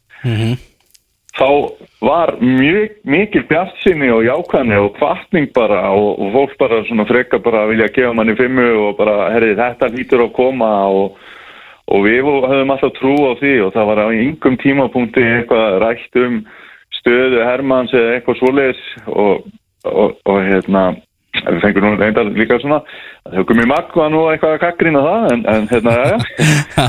Sem að þetta bara má nú vera svolítið fjör í þessu líka. Já, já, heldur betur, það er alltaf alltaf skoðun En mitt, en þá hérna, eh, þá var bara svona jákvægt að að- það var gaman að finna það að fólk var alveg með trú og, og stuðning á verkefni þó að það væri ekki að ganga áskum. Já, IPVF heimaleikirnir voru einu leikirnir sem fólk var að kalla eftir því að það er ekki lýsingar á leikjónum, viltu bara hafa mikrofónin upp í stúkunni Já, það, ég skil það vel, þetta er áhugaverð sem var og, og, hérna, og það sem er náttúrulega að fólk dreifist víða um völlin, þannig að, þannig að ég held að maður veit það að það er nú ekkert eitthvað meira kallað á hásteinsvelli en, en annars staðar. Og, maður sér það náttúrulega bara þegar maður fer, að fer á út í leiki og svo leið en sannarlega heyrir þetta meira þegar að ákveðin fólk stendur annars ón í myndarheilinni að að, þannig að við tökum, tökum því bara og það er bara hluti af af IPF, það, er- það er þessi stemning. Já, þannig að þetta eru bara bref það er hérna hlustandar sem vil endilega fá að vita það fyrst að þú ert á línunni hvort að er, er IPVF að reyna við Kjartan Henry Finnbóðsson það hefur einhverjar sögu verið það á vangaveltur núttalega bara hvar, hvar Kjartan Henry spila næsta sumar? Nei, það er ekki svo. Það er ekki svo? Það Nei, það er ekki svo. Æ, En ég vona sannlega að Kjartan uh, finnir lið og, og, og uh, ég held að maður verður nú bara spenntastu fyrir að sjá að hans má leysast innan káir en, en hérna vonandi verður hann í deildinni næsta sumar. já, já, deildin þarf á, þarf á svona karakterum að halda það er bara svoleiðis Það er ekki spurning. Algjörlega, en, eh, en helst ástæða fyrir því að ég hringdi þig, það er að gefa aðeins Arsenal sviðið Arsenal er í efsta sæti ennsku úrvasteildarinnar um, þráttir að svona umræðan sé einhvern veginn ekki eins og þið séu efstir heldur bara, já bara hvenar þið detta úr efsta sætinu meira þannig. Uh, hvernig er svona ef að þetta tímabil bara endar þannig að Arsenal endar í fjórðasæti út frá þessu núna þegar 12 umferðir eru búnar, eru þeir á topnum eru þeir ánæður? Það fer aðeins eftir í náttúrulega hvað við yrðum lengi þannig í barátunni. Já, En ef, ef, ef, þú ert að bjóða mér hérna 5. november fjórðasætið í, í deildinni, já, þá þykk ég það. ok og við sáum náttúrulega mikla framfærir á liðinu í fyrra og, og Arteta er bara halda áfram með það verkefni sem hann fór af stað með og, og þá missum við af þessu fjórðasæti og, og, og það voru náttúrulega mikil vombrið sem að fylgdu því en þá náttúrulega spr- sprakk ég svolítið á liminu og, og hérna en þá reyna að stóla á leikmenn sem að er erfitt að stóla á eins og Lacazette og, og, og, fleiri sem að kannski passa ekki alveg í það sem að Arteta langaði að gera og eh, þannig að með, mættum við þó ekki kalla það bara áfangasigur að ná hérna, meistaradelda sæti og ég held að langt flestir að, að svona stuðningsmenn séu séu svona að vona að það verði raunin. En, en auðvitað er gott að hafa drauma og ég meina að hafa fárunir hlutir gerst að þetta en að þetta Arsenalið yrðimestari Já, já, en sko, janúarklukkin er náttúrulega framöndan, ég menna mikið talað um það að Arsenal sé ekki með sömu breytina kannski og liðin sem eru þarna rétt fyrir aftan uh, En ég menna ef að koma réttu styrkingar inn í janúar er þá ekki alveg hægt að halda dampi í þessari titilbaratu? Jú, algjörlega. Það er, það er vel raunhæft að vera líka bara forunlegt að sjá hvernig hvað hann ætlar að gera allt þetta og veist, hvaða áhersla verður lög á veist, hvað, hvað ætlar hann að nota hérna dýrmæta leikmenn í, í, í þær og það er bara svona hann mun alveg verulega að reyna á hann í að taka þetta næsta skrif við assunamenn veit vitum að þetta er alls ekki og seint til að klúrast en, en það er þetta er samt öðruvísi. Veist, þetta er öðruvísi en þetta hefur verið í langan tíma. Það er öðruvísi að sjá liðsheildina, það er öðruvísi að sjá planið, það er öðruvísi að sjá einhvern veginn hvað hann er tilbúin að þrýsta liðinu rosalega hátt? Og, og, og besta dæmið er náttúrulega um það er að sjá hvernig Granit Xhaka er að, að spila. Að, hvort sem að Sinchenko eða Tomiyasu það var náttúrulega ekki nást, náðust alveg að vel þegar Tjerni hefur verið þarna vinstrumegin en þegar að verið Sinchenko og Tomiyasu og tilbúin að koma hátt og inn í völlin og, og eru bara að spila sem miðjumenn að þá einhvern veginn hefur Sjaka bara farið ennþá framar og þá hafa hans hæfileika nýst náttúrulega bara eins og bestverður á kursi þannig að pressan er orðin mikið betri og, og, og bara man, maður veit hvernig byrjunarliði hjá Arsenal er. Það hefur ja, kannski fyrir utan þessa vinstri bakvarðarstöðu og það ársakast að einhverju leiti náttúrulega út af meðslum það myndi halda að Sinchenko væri þar Einmitt. hann væri heill Þannig að þá er það spurningum, já, þetta er spurningum eina bakvarastöðu en annars eh, liggur þetta að þetta geta á Tomiyasu farið hægra megin og Ben White þarf þá að fara út en hann hefur ekkert unnið sér til þaka þannig að, hann hérna án, að það bara skilja að vera þetta áfram í hægri bakvarastöðun og þetta er jákvæmt að það sé komin einhver svona svona samkefni í einhverja stöður. En það er alltaf vond líka upp á breytin að Eitt mikilvægast leikmaður Arsenal eh, síðust tímambil hefur verið Emil Smith Rowe, eh, hans markaskorun. Og hann hefur ekkert tekið þátt á þessu tímambili og, og við söknum hans. Við söknum þess að geta ekki nota hann við söknum þess að geta ekki sett hann inn á móti Sáðantón til dæmis. Þannig að eh, en jú, með réttum styrkingum í janúar þá er náttúrulega hægt að halda dampi lengur og, og svona tryggja það að þessum áfangasýrum verði náð, þú veist að til dæmis vinna bara Európa-deildina, það er náttúrulega raunhafi möguleiki fyrir liðins og Arsenal og, og talum við ekki um að vera þá sem lengst í titilbáratu, þetta er það raunhafi möguleiki en meistaradeildasæti og, og fara að horfa á Arsenal og þriðtum að miðugudöfum aftur, það er bara flott næsta skrif. mm Upp á skalinn þinn er skalinn 1-10 Á, skalanum 1-10 Það er besti skalinn líka. langbesti Ertu að elska þetta miðvarðapar Saliba og Gabriel og bara hvernig svona berðu þetta saman við bara mörga bestu miðvarðapörum sem Arsenal hefur haft Nei, nei, nei, ég er bara svona, ég er svona 7-7-5. Það er ekki meira það? Nei, af því að Gabriel eh, er, hann, hérna, hann fer með okkur í óvissuferð, í hverju meinastarleik. Já Þannig að Saliba rýfur þetta upp Gabriel Já. dreifur þetta niður. Já, en, en, já, algjörlega, en, en það er samt ekki þannig að, og maður var nú að passa líka aðeins upp á kröfurnar, sko, að auðvitað Gabriel er búin að vera góður í, í, á þessu tífambili og þeir eru að ná rosalega vel saman en hann verður að fara að ná svona meðstökum sem hann stundum er líkt heila blóðfall. Hann verður að fara að ná því úr sínum leik ja, þetta er stundum bara uh, vandræðalegt og, og bara til dæmis þessi Patrik Bamford upp að koma í leiknum á móti Leeds þar sem hann hefði geta gefa okkur víti og eða sem það kostaði okkur víti og, og hann fengi raukt spjald bara fyrir eh, einhvern svona asnaskap sko. Þú veist, þetta er rosalega séki, ég er ánægð með hann en ef við erum að bera hann saman við það sem að við höfum séð hjá Arsenal eða bera þá saman við það sem við höfum séð hjá Arsenal þegar best gengur þá eru þeir svolítið Já, hann er búin að vera algjör góðsagnir hann sem að var spilað í hjarta varnarnar hann í gegnum gullaldar árin sko. Já, algjörlega, en, en þeir eru náttúrulega ungir báðir og, og, og þetta er rosalega spennandi og ég hef alveg, alveg góða trú á því að þetta eigi eftir að verða ennþá betra. Þetta er náttúrulega fyrsta tímabili á Salíba í, í deildinni og, og ég held að það sé nú bara Martin Skörtúl hjá Liverpool sem á sitt besta tímabili á fyrsta tímabili.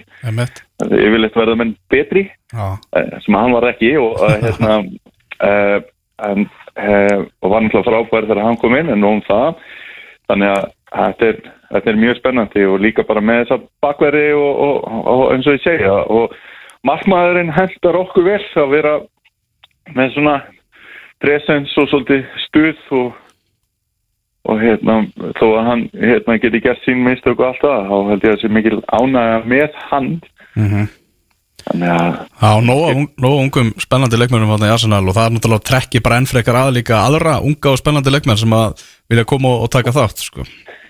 Já, algjörlega og, og ég treyst mér nú ekki til að bera fram eh, nafnið á Ukrænumanninum sem að er orðaði við okkur látlaust. maður þarf eitthvað að æfa á honum að hann kemur í deildina maður. það algjörlega. Er maður fyrir að lýsa leikjum um honum? En, en það er mjög spennandi og, og, og hérna eh, já, þannig að til dæmis að hann kæmi og, og einhver öflugur miðjumæður þá, þá færu við Arsenal enn framar. Endum þetta Daniel á því að þú segir okkur hér þínir uppáðsleikmenn í, í sögu Arsenal, topp 5 Já, ég ætla að fá að segja þessa topp 5 uh, og svo ætla ég að koma með svona tvo eftir sem að maður vil svona fá að, að, að hérna, nefna. Já, heiðusvelin Þannig að fá svona heiðusvelun og, og hérna, er er nú hérna að leipa aðeins hérna. Það komur út í rokið Já, það er eitt sem var að komast hérna, komast hérna inn. Í fymta þætti Já, sem að er eh, allir hann sé ekki svona hvað fyrstur til þess að verða einhvers konar uppáhalds leikmaður það er Wright. Já, og var náttúrulega um tíma eh, markahæstur í sögu félagsins og ég held að margir sem að hugsa til hans sjáu fyrir sér stórt og mikið brós og, og, og náttúrulega bara svona fljótur og, og, og markheppin og svona þannig að já, hann einhvern veginn e, var var svona einn af, ein af afstöðunum fyrir því að maður byrja að halda með Arsenal. Þannig að hann er í fymta sæti. Í fjórða sæti þar er leikmaður sem spilaði nú ekkert fáa leiki með Ian Wright og er kallaður Mr. Arsenal, er Tony Adams. Og eh, einhver bara einhver harðasti gæi sem að hefur spilað í þessari deil og frábær vartanmaður og, og, og eitt aðtök sem að rífast upp eða tvö aðtök það er einhver tíma þá var leikmaður sem alltaf að taka hjólhættaspinnu nema Adams náða að nikka í boltan og fær svo bara þrumu sparkið í andlitið. Og hann flög niður og, og svona tók svona utan um kjálkan svona eins og hann rétt hann af eða eitthvað og svo bara held hann áfram. Halvöru maður. Og svo er það náttúrulega þetta marg sem hann skorar með vinstri eftir stungusendingu frá Steve Bolt þegar Arsenal treyði sér titilin þarna 98 þannig að það er, er náttúrulega bara hann er kallaðið mistur Arsenal ástæði Emmitt þriðja sæti. Bronsið. Bronsið. Uh, þar erum við með Patrik Víera og þeir sem eru í fyrstu þremu sætunum eru heldur bara í fyrstu þremu sætunum hjá eiginlega þannig að það mun ekki vera neitt sérstaklega óvænt í því en Patrik Víera náttúrulega uh, leiti bara svona þennan Arsenal kultúr sem að reyngir var að búa til. Þannig færiði bara Arsenal fram bara fyrst og síðast með sínu fordæmi og, og bara geggjaðri spilamennsku fram og tilbaka. Þannig að e, margir sem hugsa til þess með hitlingi þegar hann var að skrefa Highbury bara í, það var mjög fljótur enda á milli og, og, og bara geggjaði leikmaður. Og ég held að hann sé svona sá leikmaður á þessu lista sem að myndi bara nýtast best í nútíma fókból Ok. Ég held að hann gæti gæti hérna kannski varið myndi aðeins skemma fyrir honum. En, en reyndar þá voru náttúrulega margir sem að hérna, nuti meira að því að það var ekki var þegar það voru að spila heldur en kannski endilega hann því að hann fekk bara sín rauðuspil Já, en geggjaða leikmaður. Í öðru sæti þá er það Dennis Bergkamp og hann var líka og, og ásamt reyndar fleiri leikmunum og, og, til og með þetta Klarin Setor og ástæðan fyrir því að maður hér mikið með Hollandi í æsku. En bara það sem að hann gætt gert við boltan og, og, hérna bara gæðin, bara svona fótboltaleg gæði, hann er örgulega bestur í fótbolta sem maður hefur spilað fyrir Arsenal. Bara hvað er hægt að gera við fótboltan, hvað er hægt að senda hann, hvernig er hægt að senda hann, hvernig er hægt að fara fram hjá mönnum, hvernig er hægt að skjóta boltanum upp í vinkilinn að tæknin og útsjónasemin þetta er náttúrulega bara eitthvað uh, bara yfirnáttúrulegt. Já, maður er ekki ástæðuleysu sem að sko Rúta Nistelói þegar var að þjálfa hann upp það var hann bara sendur og horfa á Dennis Bergkamp spila fótbolta. Akkurat.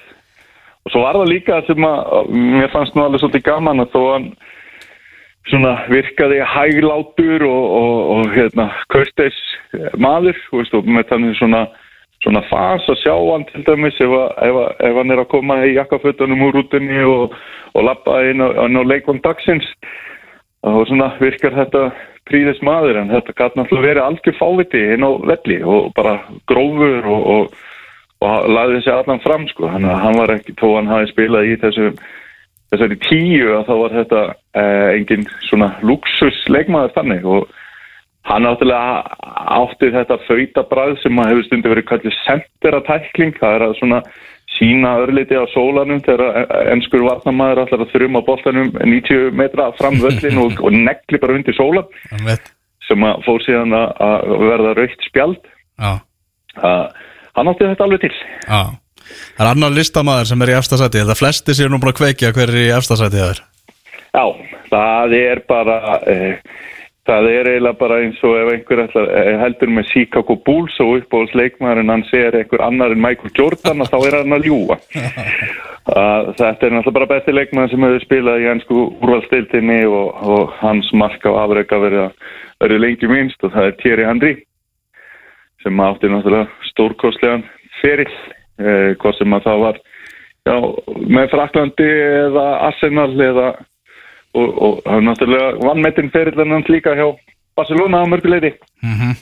en eh, bara þarna í kringum svona 2003 til 2006 þá eh, va- var náttúrulega bara ótrúlegt að fylgjast með Thierry Henry og, og hvort sem að fólk heldur með Arsenal eða ekki þá er hægt að YouTube bara Thierry Henry, greatest goals og svo er hægt að halla sér aftur í stólnum og njóta sko, að Þetta er náttúrulega ekkert eðlilega mikil gæði og hraði og bara hvernig og veist, maður uppliði svona og ég held að og því hefur náttúrulega verið líst af mörgum sem hafa spilað í deildinni hvort sem að það eru íslenski leikmenn veist, sem að hafa tekist á við hann eða, eða bara þegar það er verið að tala við einhverja fræga sem er að rifja upp sína tíma þá er svona eins og menn hafa alltaf upplifað að hann hafi verið bara svona hættulegur þú veist. Já, og veist, hann var ekki bara tilbúin til þess að skora fram hjá þér eða skora gegn þínu liði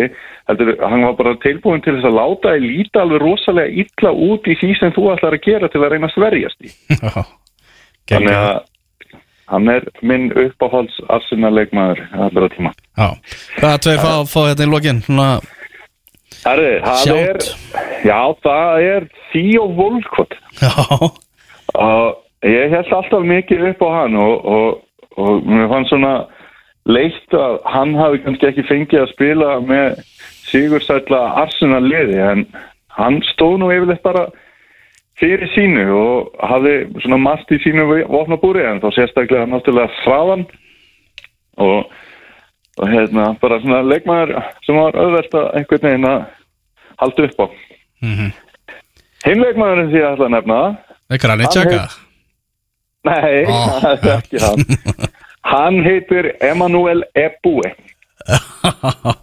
Og, og það er kannski fyrir hérna e, tvennasakir að hann er náttúrulega einhver mætti svona skemmtikraftur sem hefur verið í Arsenal og bara svona uppáttækin sem að hann hefur verið og það var náttúrulega rifjað upp eins og þegar Arsenal fór í heimsók til englastrotningar og annað og, og, og, og svona alltaf staður og stund fyrir eitthvað og, og eins og þegar hann þóttist skilja norður kóreisku á, á HM um árið og eitthvað svona. Já, já. Og en alltaf bara og- en veist, þannig að hann er svona okkar tími búlart einhvern veginn eða mikil svona skemmti kraftur Sprellikall. En það sem að gleymist kannski og það er þegar hann mætir til Arsenal þá var það í janúar 2006 og hann spilar þannig með Arsenal að hann er valin í lið ársins í meistaradildinni Ok. Og eftir að hafa verið hálf tímabil og hann var algjörlega frábær þegar hann kemur til Arsenal og var náttúrulega veist, þakið hans var mjög hátt. Og maður var mjög oft bara svona, já, maður er svona, já, spenntur fyrir því hvað væri að fara að gerast með þennan leikmann. Og ég er með svona samsæðiskenningu það er að þegar hann kemur að, að þá fær hann kampmann fyrir framann sig sem heitir Alexander Slepp Mhm. og það á að miklu meiri áherslu á það að halda í boltan heldur en sækja markið. Og ég held að það hafi hendaði svona áræðinum e búi mjög illa. Og það þetta hafi farið svolítið svona niður á við bara að Arsenal varði einhvern veginn miklu meira svona possession heldur en eitthvað svona áræðinni sem að hafi kannski verið árin og undan.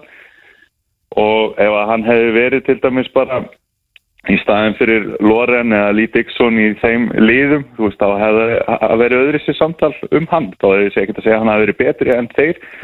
En það er oft talað um hann eins og þetta hafi verið algjör trúður og, og svona einhver bara, bara eintóm sorgar saga en það voru virkilega gæðið þarna sem að svona allt og sjaldan fengu að koma í ljós. Já, ég ránaði með þessi sérstöku heiðus, heiðusvelun sem þú veitir hérna að, ekki? Já, heldur betur Já, já, já. Annars hérna bara stættur um bref frá Akureyri uh, til þín Ok, og, það er það að sé ekki sjans að blika sér eina liðið með fleiri stig í síðustu 15 leikjunum heldur en IPVAF ok. En káamenn eru, eru vakandi, það er bara þannig Já, já, það er bara, það var ekki gaman að rekna þetta bara. Já, já, er allavega frábær endir hjá, hjá öllum, öllum þessum liðum. Já, ég heldur betur og bara fyrst að kemur breyfa norðan, það var náttúrulega um að gera óska skámanu til hafingi með þeirra árangur og, og ég hafði minn í einhver tíman í frammi að, að hérna, tala um að Jónatan Magnússon sem minnur upp á sambóltamann allra tíma. Já, þú ert með eigin hattar orðin frá honum sko. Herði, ekki nú, þá kom í posti frá Akureyri Káa Kanna, mest mér og eiginandar áriðum frá Jónatan Magnúsinni Sem þú heldur upp á, sko. Já, þetta er bara upp á vekk heima. Já, já, ég séð þetta. Þetta er, þetta er rosalega ta Talandi um káa, þá ætlum við með hérna bara, þið er búin að skella á þig ætlum við að hendi auglýsingar og svo er það viðtal við Daniel Hafstensson, leikmann káa sem að Sæpið Stange tók í vikunni. Hann er núna náttúrulega með íslenska landsliðinu. Úti, úti þarna þannig að frólægt að heyra, það er ítalegt viðtal og við verðum sem að síðan einnig með góðan káamann uh, í næsta þætti þannig að smá káa þema henda, henda Evrópu ævintýri framöndinni af þeim næsta sumar. Akkurat. Heldur betur, Daniel bara takk kærlega fyrir þetta og við heyrumst. Sumulegis, takk fyrir. Bye bye. Á, Fótbolti.net á exinu 977 Já, ég er með Daniel Hafstinsson hérna hjá mér, leikmann Káa út á leiðinu út í, í landsinsverkinu á morgun, hvernig ertu stendur fyrir þessu? Bara mjög vel stendur sko. Bara spennandi að fá að taka hátt í þessu og bara smá svona verðlaun fyrir tíumbili þannig að bara reyngilega spenntur sko Var þetta eitthvað sem þú varst búin að vera að horfa í þegar þú vissir að það er eitthvað landsinsverkefni þarna í, í byrju nómur? Nei, reynskilin sagt þá ég vissi að það sem leik var búin að sjá það bara á netinu einhvern tíðan fyrir löngu sko en ég reyndar vissi ekkert hvernig ég er þið hátta þannig að ég, var bara látið vita og þannig ég vissi eiginlega ekkert að því en Mm. Hefði maður kannski haft það svona í huga þegar maður búin að frétta þessum stærri hóp hann það var kannski var maður aðeins meira að fara að þessu Mm, Hvernig var að heyra bara að nafnið þitt kemur til gerina í þetta? bara geggjað sko bara bara er ekki lánaði með það og svo segir bara eitthvað stoltir að að fá að taka þátt í þessu sko Mm. Nú eru, voru einhverju varamenn líka, náttúrulega tveir leikmenn Káa Úst, hvernig voru þið eitthvað meðvitaður um hverjir voru að fara fyrir bara á föstudaginn? Uh, nei sko að ég náttúrulega veit ekki tala bara fyrir sjálfa mig sko. Mhm. ég allavega uh, vissi ekki neitt fyrir að og svo náttúrulega Arna var kannski ekki búin að velja hópin alveg sko. En ég veit ekki hvernig ég var háttað en allavega ég fekk bara heyri í því rétt fyrir að hann var valin hópurinn en ég veit ekki hvernig það var í heinustrákunum mm. var ekkert mikið að gennast í það sko. Akkurat, og bara þú, bara þitt tíðanbíl allavega bara mjög ánæði með, með hvernig þetta spilast allt saman Já, algjörlega sko. Við stemdum alltaf á að við varum náttúrulega í fjórðasetti og einu stíi frá Evrópu í fyrra þannig að við stemdum allavega það, ná þriðja setinu eða öðru. Og þetta bara ná eins mikið á stígum og gátum og stu, það myndi ekki skila okkur tillinu með þetta að vera geggjað sko en bara ríka lánaði með að ná öðru setinu líka það bara geggjaðar árangur sko. Ef við byrjum kannski á, á svekkilsinu samt í loka leiki fyrra, hversu, hversu erfitt var það? Þegar sjáu svo að vikingu vinnur byggari? Já, ég var einmitt, maður var svona kannski aðeins minna inn í þessu, ég var að mittur þarna frá því bara júli eða eitthvað mm -hmm. Þetta var maður að fylgjast með og spenntur að sjá hvort það myndi ná erfbæsætinu en svona þegar maður er inn í liðinu, maður var mikið að æfa einn og svona þannig að það var kannski aðeins öðruvísi skilur en auðvitað voru við bara úkislega svektir og svona sérstaklega eftir og hafa ekki náða að klára þennan leik það bara, en ég held að það hefur líka bara að gefa okkur auka púður inn í veturinn og reyna að gera betur sem sagt ná Evropasættin núna þannig að auðvitað var þetta svekkilsi en því kannski bara að halda áfram sko og ég held að eins og ég segi, það var bara svona auka púður inn í veturinn sko Mm -hmm. Það var, Káa var svolítið að glíma við meðsli á undirbúrstímulinu, er það ekki rétt muni hjá mér?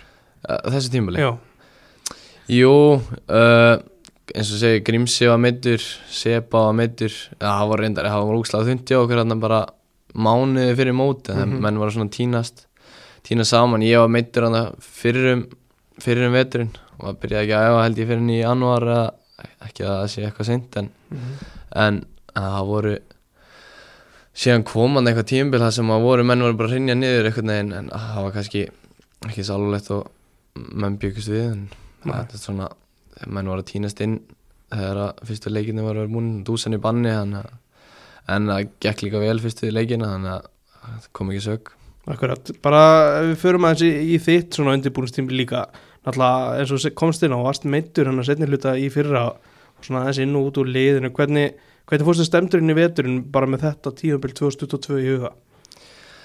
Þetta bara, úst, fyrst og fremst, ég var náttúrulega búin að árið áður 2020 þá var ég lendi nákvæmlega saman, meittist örgulega að það voru búinir 11 leikir á tíumbilinu eða eitthvað, þannig að bara nákvæmlega sem meðsli og og síðan náði ég komur af því og síðan gerði það nákvæmlega sama sumar eftir þannig að ég var eiginlega bara svona frekar smeykur að ég var ekki að fara að ná mér þetta gekk aldrei hægt það var svona erfitt að lýsu þetta var bara, ég var bara mikið að gera sömu hlutin og alltaf að æfa einn og þannig að svona satt bara að segja þá var ég bara svona frekar smeykur við að kannski koma mér ekki í stand eða bara koma mér ekki á völlin ég vissi ekkert, þá var ekkert eitthvað ein lækning við þessu mm -hmm.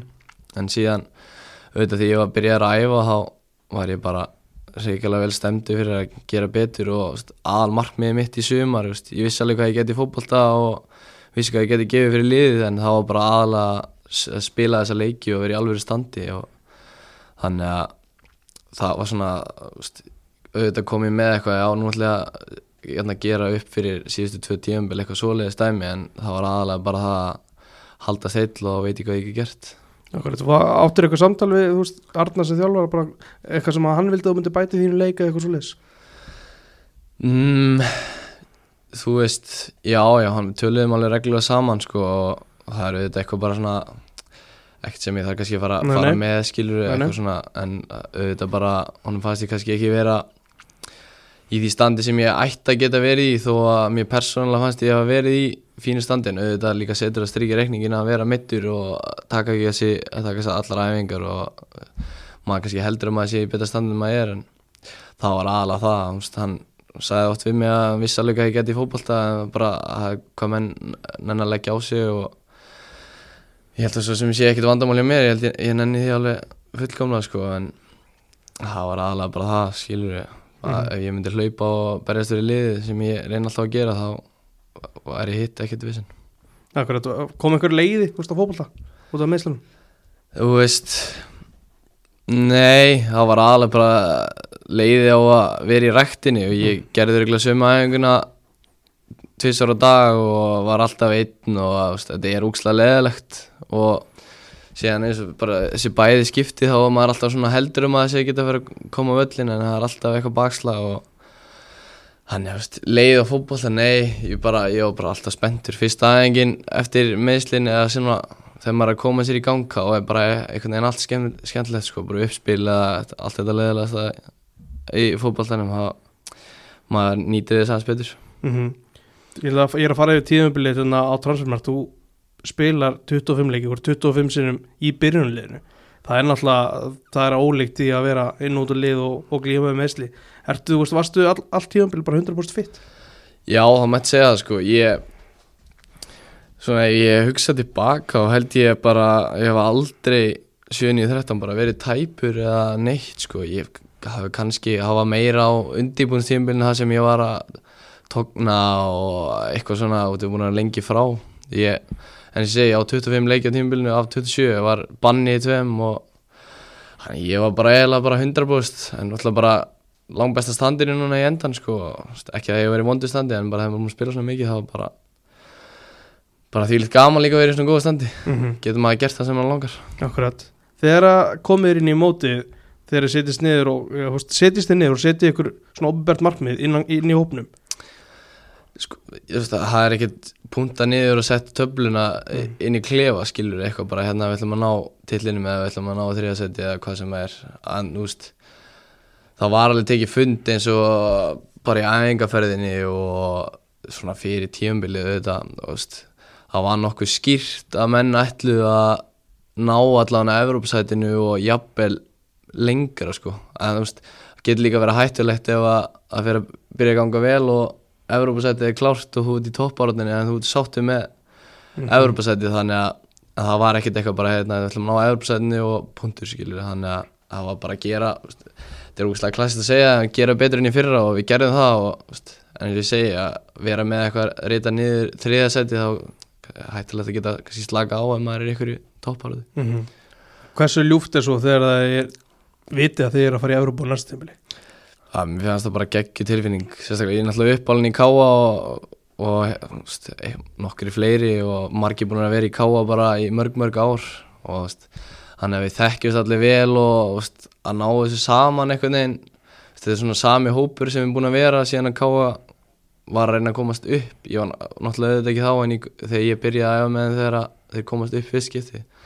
Þannig að þetta var bara ógeðslega gaman sko og kannski ekki alveg búin að átta sig á því að svona stutt síðan tíðanbilega búið hversu geggja þetta var hjá okkur og það er bara hrigalega stoltur að þið mm Eru þið, þú veist, þið sem leikmenn eru þið mjög meðvitaðar um svona umræðinni kringu lið tala um að þið vinni ekki á móti liðunum í efri hlutunum. Er þetta eitthvað sem að, sem að þið, þú veist, bítið í ykkur? Þú veist, meðtekið þetta alveg? Já, ég veist, ég held að ég geti talað fyrir flesta leikmenn að, þeir heyra þetta svo lítið land og, síðan, það er ekkert endalust að miðlum sem er að kannski Mhm. veist, það er alltaf færri en annar staðar þannig að og þessi podcast skilur og maður heyrir, maður er að hlu- hlustar á flest allt þannig að og maður nenni kannski ekki það gengur illa þá slekkum maður bara símanum en já, veist, eins og eh, ég sett á Twitter þá sá ég að vera ykkur búin að segja að við getum ekki unni þessi stærri lið og við, þessi spár hann eitthvað í nýjundasætti Mhm.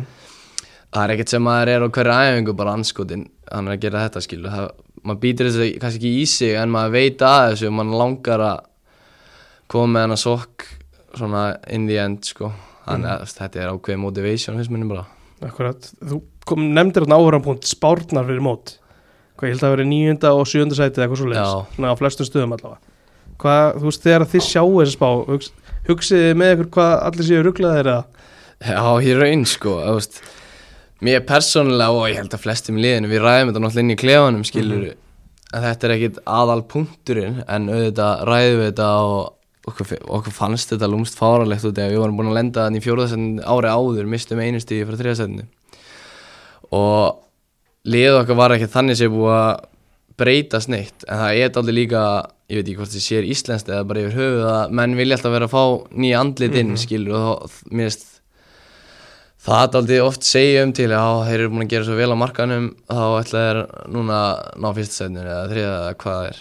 En, veist, okkur fannst líka bara veist, þarna var Addi búin að vera í eitt og hálft tímambil og nú fekk hann heilt undirbúinistímambil hitt fyrra tímambil var líka COVID mm -hmm. eins og eins og er- á öllum öðrum liðanum en þú veist, ég, ég bara ekki það að maður var eitthvað að skiptir okkur einhver máli hvað okkur er spáðskilur en veist, við já, ég myndi segja að við hleyðið alltaf að þessu sko að, og bara eins og ég segi, bara auka motivation inn í tíðanbili og mm -hmm. ljást, lúmst fórlegt þannig að segja en, en þú veist svona er þetta. bensína afsanna þessar spár. Já, ég, ég bara tekið alveg að þetta er ekkert neikvægt sko, þetta hefur engin áhrif á, á þann hluta sko. Þetta er bara, bara fínt að fá þessar spár, vera bara geta afsannað þetta frekar en eitthvað annað. Mm, þú komst inn á, á markaðin þú með mörgli sem að styrkja sig þar. Þið, þið voru kannski svona, eftir á allavega að maður að sjá mikið að styrkja ykkur inn á æfingasæðinum í auka æfingunum mikið fjallaðum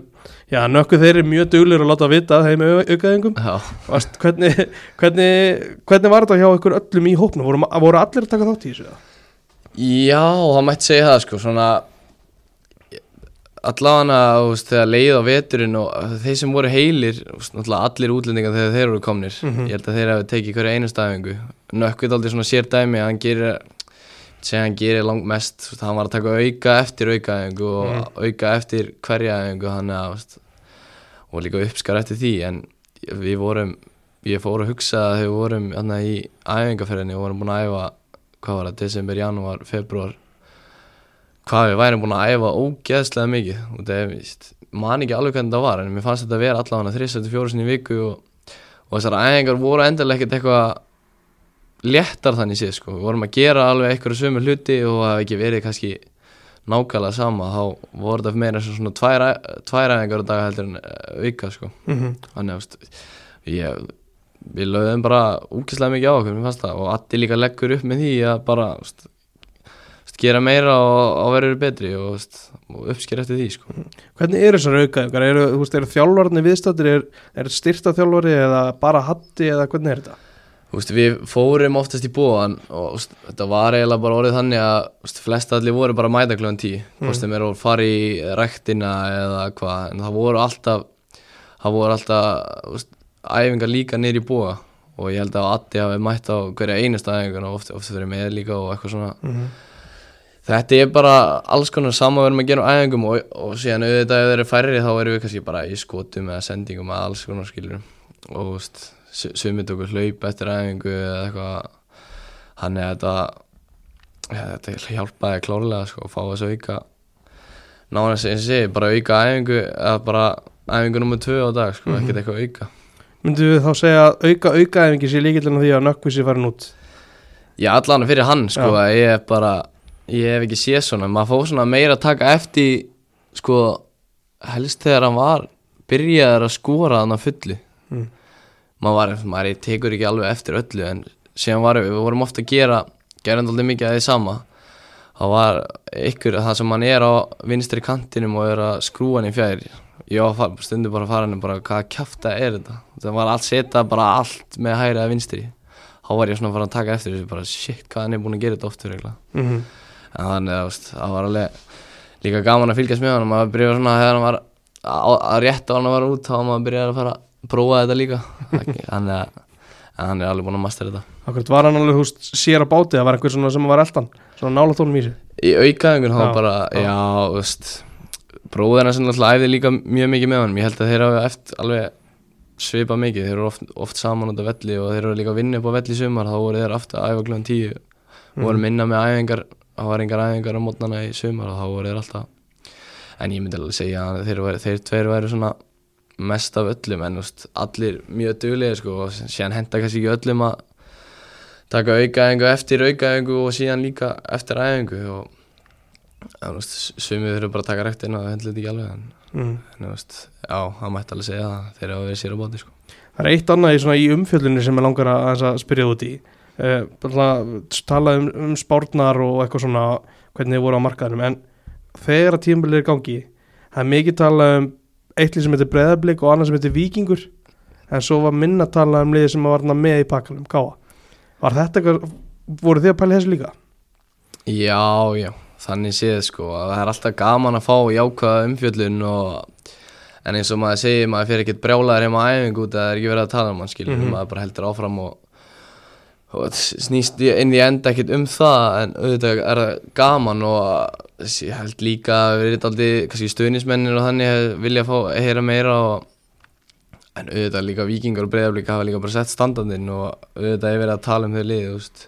Við hefum ekki orðið Íslandsmeistar ennþá og vikingur er búin að vinna þrjessunum byggamestartitilin og breyðablík búin að vera alltaf bara í topparöndin þannig að það er líka bara skiljanlegt að sé verið að tala meir um þá en kannski að breytist eitthvað, maður veit ekki. Mm um, Það eru þið þjálfarskipti hjá okkur undir lók svona venjulegs tíðanbils fyrir úrslitakefnina Hvað hérna, þegar þetta er allt í gangi hversu mikið vitið þið í leikmennir hvað fáið þið að vita, þú veist vitið þið á áður en að fréttatilgjöngin að koma út Arnar er að fara, allir er að taka við? Uh, sjálfu sér ekki sko, ég held, ég held að þetta hafi gerst ógeðslega fljótt og ég held líka kannski að þú hafi fengið bara vita það sem ég langaði að vita. Ég held að þú hafi getið spurt sko og það var náttúrulega ykkur í leiti lindamál innan gæsalappa held ég, þú veist, veist þetta gerðist mjög hratt og addi og ég náttúrulega veit ekki hvernig það fór fram sko, en ég var ekkert að pæla í þessu. Síðan sá ég bara þessa tilkynningu og veist, mann var ventilega að fara að grunna þetta og síðan var bara látið maður vita eftir það sko.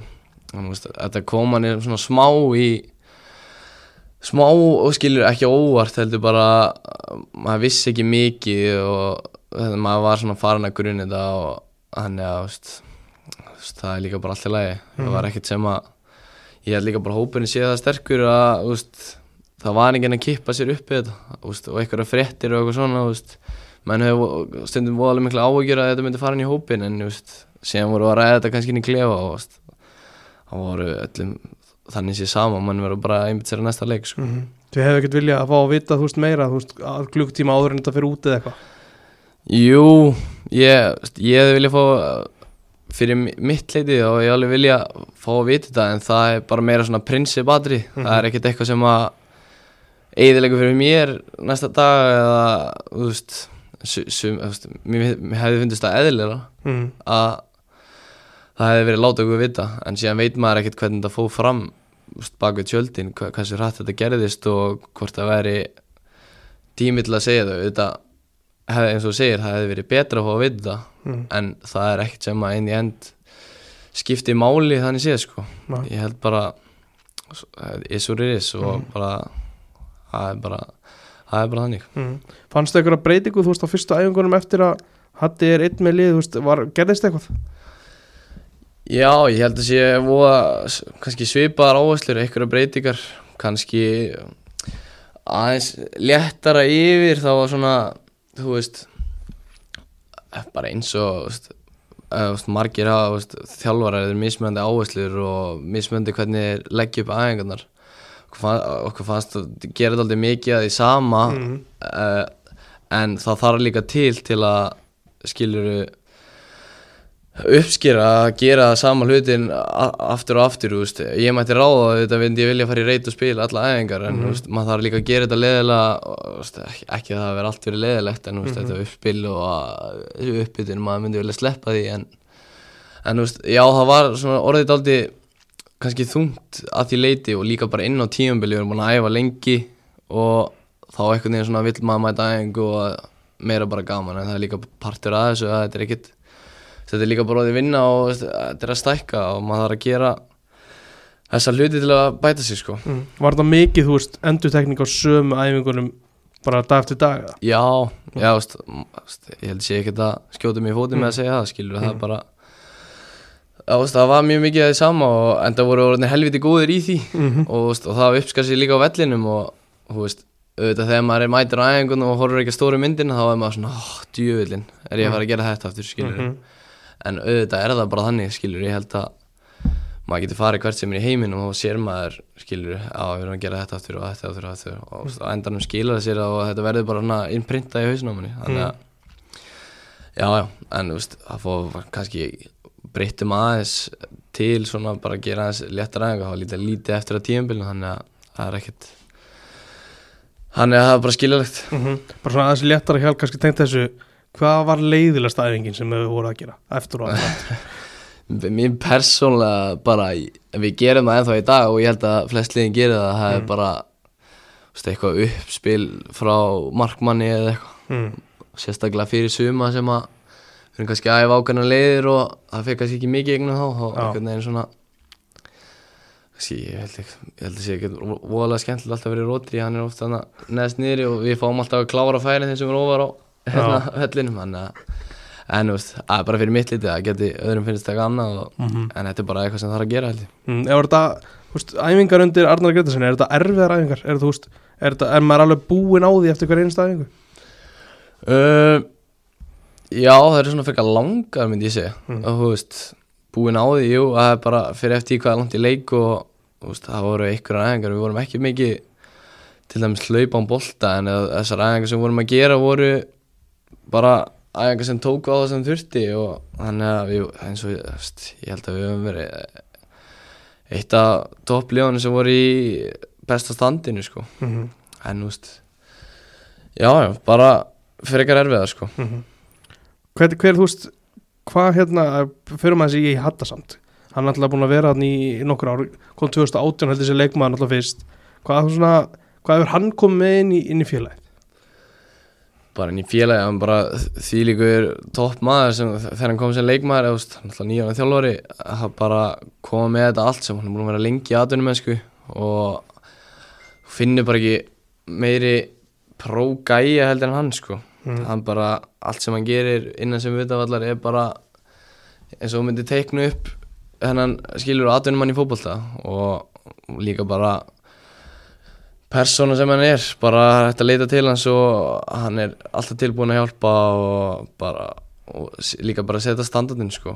Og séðan bara auðvitað bara leðilegt hvernig hann er búin að vera úst, meittur mikið af tíman sem hann er búin að vera og maður getur fengið að læra meira á honum inn á vellinu úst, hann er mjög góður að miðla því sem hann kann og þannig að hann er bara ég held að hann hefur alveg stóran þátt í því sem er búin að vera í gangi núna auglustlega Mm Arnar var náttúrulega líka svona miðjumar á sínufelli, hvað hefur hann svona kent þér? bara slag góður í fótbolta og veist, veist, hann er með sín atriði sem að hann skilur lemur á bara hverjum einasta degi og veist, hann er líka bara kent, kent mér aga skilur og sem að ég að þroskast bara þetta eina ár sem hann er koman 2001 og þangað til núna byrjun tíum þetta þroskast ógislega mikið bara bæði innanvallar og utanvallar og það er ekki tekin eitt kjáftæði hjá hann sem að er bara frábært skilur og hann er góðan aga.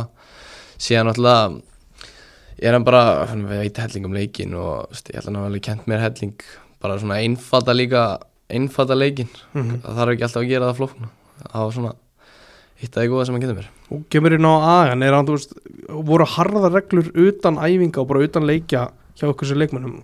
Voru, þú veist, var, var bara, þú veist, þegar bara varandi djammið og okkur svolítið, var, var, var, var strangur? Nei, ég held sko bara að þegar maður er komin í meistaraflóbolta þá er bara þá veist eiginlega bara sjálfur hvar línan er og þá ferði yfir hana þá úst, veistu að það getur verið eitthvað afleðingar af því og ég held líka bara hann sem svona ég veit ekki persóna bara frekar sem þjálfari hann bara maður veit hvað maður fær frá honum og hvað, hvað hann fílar ekki og, og menn bara úst, virtu það líka hann er mjög, mjög góð stjórn að klefa hann þannig séð bara upp á þennan part að gera Mm. að veist, menn, menn vissi bara nákvæmlega hvað þeir mættu og hvað þeir mættu ekki en það var ekkert að segja bara heyrðu þú mátt þetta ekki hérna og mátt þetta ekki hér. Og maður bara svona hefur það þegar maður er komin á hann aldur þá bara á maður svona nokkuð neginn að vita mm -hmm. þú ferð ekki daginn fyrir leik og jammar skilur eða þú mætir ekki eina myndi á æfingu eða hvað sem það er bara, þú veist, þetta er svona frekar þetta voru einhverjar kannski aðeins reglur en það var ekkert eitthvað utanvallar og mátti ekki gera þetta og verið að fara að sofa klúin þetta þetta var bara svona, sem ég segi þú verður bara að vita það fyrir sjálfan líka Mm Það byrjaði alveg frekar snemma í sumar umræðum um, þú veist, mögulega þjálfarbreytingu eftir tímabili á gáfa. Mikið tala bara fannst mér strax um að Hallgrími var eitthvað svona, væri kostu nummer eitt, hati. Þú veist, voru þið leikmenn að spá eitthvað í þessu? Nei, ég getur bara að tala fyrir mig sko, ég þú veist, ég var ekkert að pæla í þessu sko, ég bara við vorum bara að pæli að klára tíumbilið og ég held líka að Addi myndi klára tíumbilið sko, ekki þangað til hún síðustu svona, síðustu leikina þá var maður svona aðeins, eins eins og ég seg- kom á aðan þá fara hann að gruninda og en þú veist, fyrir mitt leiti veist, þegar liðið var komið í svona einhvern veginn rithma þá einhvern veginn og gekk vel. Mér fannst þetta ekki skipta á öllu máli eins og þegar hann fór í bannan hann er með á öllum æfingum og þú veist, að mig, gert mikið úr þessu fimmleikja bann. Auðvitað skiptir einhverju máli að hafa aðþjálfaran á á hérna vellinum en mér finnst það líka bara að við vissum hvað við værum að fara út í og það þurfti í raun ekki, hann er múin að drilla liðið alla vikuna og síðan er þetta bara undir þér komið sem er hann á vellinum að gera þitt. Fór kannski aðeins út úr hann en mm -hmm. við vorum fyrir mittlið var ég eiginlega bara ekkert að pæli því sko. Fyrir náttúrulega endið í öðru sæti farið í farið allavega hvað var ekki undarúsliti byggar Jú, hversu miklu vonbrið voru það að klára ekki að fá?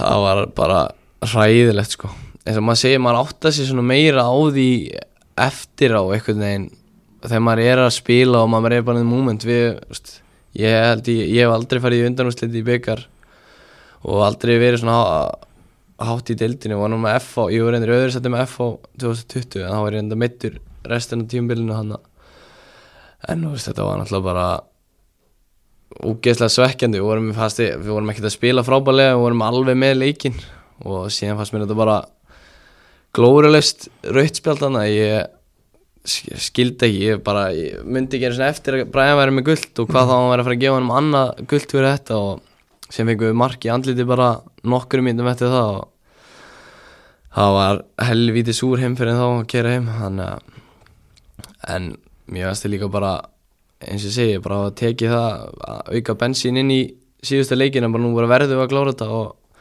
gera þetta almennilega sko. bara þið náttúrulega ég segi þetta enn ofta þeir endi í öðru sæti en þú veist, er einhver, sæta, einhver sigur sem var sætar en annar? Mikið talaður þú svo ég gríp inn í þú veist, þið náðu þetta endur komið stegum þetta fram til dæmis, það Já. var náttúrulega eitthvað að tala um það. Já, mér fannst sko ég mér fannst þetta vera bara dálítið að tikka inn. Maður var minna maður pæli í þessu svona mitt sumar þá var maður bara að reyna að sapna þessu stígum og síðan þegar það var farið svona mér, fyrir mitt leiti var eiginlega bara að sæta sigur á móti val 1-0 núna hérna, Já. fyrir skiptingu. Hérna í á Origovellum Já, þá vorum við svona alveg að vera komni með þetta en þá svona var ekki komið þessi staðfest stimpill á þetta. Og bara ná að klára þetta og vera svona bara 99% komið þetta. Mér fannst það bara virkilega sent og vantaði líka aðeins í liðið okkar að spila með Bjarna, besta vini mínum þannig að þetta var bara úkslega skemmtilegt það er annað líka aðri í þessu móti þegar að nökk er að fara út. Bara því ég spurði hvernig, hvað þið vitið sem leik, í leikmannópin þegar að Arna fyrir út, hvað vitið í máli nökkva, hvenær vitið hann sé mögulega að fara út? Uh, Ég eiginlega, maður bjóst alltaf við því að hann myndi fara út. En ég vissi ekki hvenær hvort það væri eftir tímabil og ég, mér fannst vera mikið undir og ég bjóst ekki við því að það myndi selja hann. En auðvitað er þetta líka tækifæri fyrir hann og eins og Káa hefur líka talað um að þeir eru ekki að standa í vegi fyrir mönnum að fara út og þú veist, þeir síndu að alveg hann að með að við erum með besta leikmannin og allt undir að Káa verður ekki að fara í Evrópu í 20 ára eða eitthvað, að hleypa hann út hann og náttúrulega bara geggja líka bara hjá klúbnum en auðvitað fyrir okkar leitið þá hefðu við alveg viljað halda honum en svona eftir á auðvitað skiptið að þannig sé ekki máli náttúrulega kláruðum ekki fyrst sætið en við erum öðru sætið þannig að þetta var bara en hvað vissum við um það það var, veist, ég vissi ekki bara neitt fyrir en hann var að fara að fara út daginn eftir sko. Mhm. og var svona smá skildi ekki skildi ekki að væri að fara en þegar maður tók svona hinpólin á þetta þá var maður svona já ok, kannski bara rétta í stöðinni þannig séð sko þurftur við, þú veist, þurftur við að hugsa bara, já, er, hann, þetta er gott fyrir hann og þú veist, við getum alveg klárað þetta ánans Já, algjörlega, ég veist, það var engin vá á því að við varum að fara að stíga betur saman sem lið og klára þetta sko, það var bara svona er þetta bara og við þurftum bara að gera þetta og ekki, þetta var engin heimsendir sko, við erum góða fótballleikmenn og auðvitað var að skora helling og gera helling fyrir liðið og bara langbæsti maður okkar hérna, þe- þessar myndir og, en eins og ég segi, þetta var bara við vorum alveg starraðan í að klára þetta og finnst eins og að þetta býtur ekkert á hópinu þannig sé, sérstaklega í sumar, það gengur bara vel og það er bara rytmi í liðinu og bara kemur maður í mann stað og, og bara veist, svona gekk bara auðvitað vel. Mhm. inn í end. Segjum sem svo að þú eigi bara áfram alltaf á mjög góðu tíðumbili ár. Jafnvel byrja bara fyrir hlutin fyrir hlutin næst tíðumbili ennþá betri einhvern megin og það kemur tilbúið utan. Þú veist að Ká er ekki fara að segja nei ef að tilbúið er í læg góð tilfinning. Já, algjörlega sko. Og eins og líka þegar ég fór út bara 2019 skilur það var ekki ég var, fór fyrst að skoða út klúb sem var kannski ekki mjög stór og hérna og auðvelt kannski verið ká að segja nei við því. Og veist vilja kannski fá x penning eða hvað sem er og, en veist, þeir leiði mig líka að fara þanga út og síðan bara ég, ég veit ekkert hvað gekk á baku tjöldin en veist með tilbúið en allavega það var ekkert vesen þegar ég þurfti að fara út og þetta var kannski ekki hæstu upp að heimi sem þeir voru að fá fyrir mig og þannig að þetta er bara jú, er bara frábæð tilfinning að, þú veist, að vita að þessu skilur að maður hefur alltaf hennar möguleik og það er þannig sé ekkert mikið að standa fyrir manni allavega í klubnum sko Mhm. Þú nefndir eitt leikmann á þann sem að mér langar svona að spyrja þess að því, Rodri Þið tveir voru svona oftast saman á miðinu svo voru þú veist Andri Fanna, Bjarni Sepa í fyrir hlutanum og voru svona með ykkur á miðinu Hvern, hvernig er að spila með Rodri? það er bara geðveikt sko. Það maður er einhvern veginn svona átta sig ekki á því fyrir en að kannski einhver annar kemur hann á miðjuna þá er þetta svona aðeins öðruvísi. Maður þarf svona að hugsa meira við vorum stundum tveir á miðjunni og síðan vorum við þrýr og þá breytist þetta aðeins. Það er bara ógeðslega þægilegt. Maður þarf einhvern veginn ekki að hafa mikla áhyggjur út eða hann gerir bara sitt og spilar einfalt og mér finnst að hann bara besti ef ekki langt besti djúpi miðjumæður en hann bara líka bara sílíkt vannmetinn sko það sem hann gerir sko. Er, já, er eitthvað veist, umræði ykkur af hverju hann er að spila á Íslandi? Nei, nei, ekki þannig sko. Hann er, veist, hann er frábær leikmaður sko Mm. og veist, hann er svona leikmaður sem er ekkert að fara fram úr sér. Hann gerir bara sitt og en nei, það er engin umræðan þannig sko. Svo fyrir aftan ykkur eru Ívar og, og Dúsan Það hlýtur að það er líka vera með þá þar. Já, bara Dúsan er náttúrulega ekkert eðlilega mikið topp maður og, og ég var sjálfsögðu líka. Og fyrir tímabilið náttúrulega var ég ekkert viss hvort að, að hann var heldur ekkert viss hvort að hann væri að fara að vera að spila sko.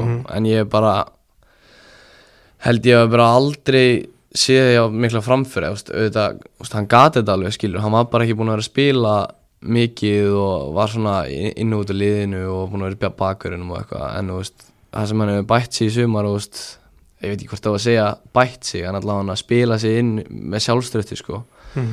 Og þeir eru bara ógeðslega solid. Og mér finnst þetta líka bara allt liðið bara, veist, auðvitað fá þeir þeir eru miðurinn, fá þetta kredit og þeir eiga fyllilega skilið sko en þetta er líka bara æginn sem allt liðið sýnir sko, það er bara veist, síndi sér líka sumar, það er ógeðslega erfitt að skora á okkur. Sérstaklega erum við yfir, þá getur verið erfitt. Er ártalið 1989 eða mikið talað um það í Káa? Uh, já, nei, auðvitað, þetta er eina skipti sem við vorum Íslandsmestara þannig að það hefur ekkert komið mikið til tals en ég auðvitað, erum búin að lenda í öðru þetta núna, þá ætlum að gera betur en á síðast ári þá, er náttúrulega bara eitt sett í bóði en við erum ekkert að fara fram úr okkur og bara meldum þetta sísón og síðan bara við þetta fullt og allan að reyna að ná í fleiri stig og sjá hverju það skilur okkur sko. Uh, bara því ég spurði út í uh, aðtunum mennsku, er, það- það horfið í þetta eitthvað? Ennþá? Já, já, algjörlega sko bara, en þú veist eins og allir segja að þetta þarf ekki að vera rétt ég myndi ekki bara hoppa hvað sem er og veist, mér líði bara vel á Íslandi og þegar ég var síðast úti þá satt bara að segja, veist, leiði mér ekkert þannig sé vel sko og veist, líði miklu betur núna og er gaman að þessu og en auðvitað líði kannski smá tími síðan og maður var aðeins yngri og vissi aðeins minna og hvernig þetta virkaði og en au- auðvitað ef það kæmi upp þá var ég þá var ekki fyrst sem ég myndi hugsa að vera nei sko. Mm Ég er búin að tala við í, í rúman hálftíma en ég er samt búin að gleyma einu mjög stór aðri Heimavöllurinn, komin upp á Káa heimili hversu, hversu miklu skiptir þetta mál? það bara skiptir öllu sko. Maður var hann ógeðslega þreyttur á því að keira út á Dalvík. Ekki það að það er frábæru öllir hjá þeim en þegar maður er að keira út á Dalvík 30 mínútur, æfa, keira sveittur heim það var svona aðal hvað mér fannst bara hræðilegt við þetta sko. Og maður vill oftast að vera að æfa kannski einum degi eða tveimur dögum fyrir leik á vellinu sem maður er að fara að spila á og að fara ánga síðan líka að keppa. Mér finnst það verra að vera alltaf að fara ánga að æfa. Þegar maður bara að fara að keppa og maður bara komin í þetta mindset maður bara vinna, vinna þennan leik. En þú veist, þetta var líka leiðilega það var, veist, í byrjun tíma sem við vorum að spila þarna, það var svona það var kallt og þú veist, menn kannski ekki endilega nenn að heimamenn að fara keira í hálftíma til að mæta völlinu og voru færri í stúkunni og þú veist, það var svona líka mínusin við þetta og að vera ekki á heimavelli maður er svona þægileg stundum bara, maður, ég býði þarna rétti og káðum bara keira tvæ mínútur og hann komin heim og mann líður líka bara eins og maður sé heima sko en eins og ég segja, það var aðalega þetta þrittstu við þetta var að keira þang og keira síðan sveittur heim og líka þeir sem voru í vinnu kannski varum að æfa að háti einu daginn fyrir leik taka kannski fjóra tíma úr vinnu í staðin fyrir eitthvað svona. mm. Stuðnismenn eru líka ennþá nær þarna heldur en niður, á Akureyri Já, það er náttúrulega ekki er þetta er náttúrulega bara á bara í miðri brekkunni þannig að ég held að líka fínt, fínt fyrir fólki geta bara rölda á völlin sko. Og ég held stúkan miklu nær og allt miklu betra, þetta er bara miklu betra við þetta. Líka bara að fá að, eins og ég segi, æfa alltaf hann og það var líka þreytt fyrir sem var að kera nýra akkur og vill æfa þar og þannig að þetta er bara bara því líka gemsins er sko. Mm. Þá koma nýrvöllur það ekki Jú. bara á sama svæði í rauninni Já, bara þannig fyrir aftan og veist hvað Rísalundur er Mhm, þar Já, bara við það og örgulega, ég held að stúkan er til eftir tvö ára eða eitthvað svo leis Spennandi. Já, geðveitt sko. Þetta var, ég held að það verið orðið mjög flott. Mm. Vestamæður tveim árum árum eldri, það verið fínt að þetta verið fyrir tíu árum. Og maður fengi alveg alveg aðstöð mm. Á þessu tímútu, hversu spenntur er þetta bara að býða og sjá hvaða liðið er að fara að mæta í Evrópu og svona, er þetta það sem mest spenntur fyrir? Já, maður er, maður er ekki alveg búin að setja sig í þetta. Maður er svona, þetta er búið að vera langt tímambil og maður er svona spenntu fyrir bara líka að klára tímambil ekki það er rúkslega skemmtilegt að spila að leiki og bara búin að vera að vinna hvert leikin eftir annan og bara vera úkslega gaman, góð stemming í klefanum. En svona, þegar maður er búin að vera að æfa kannski síðan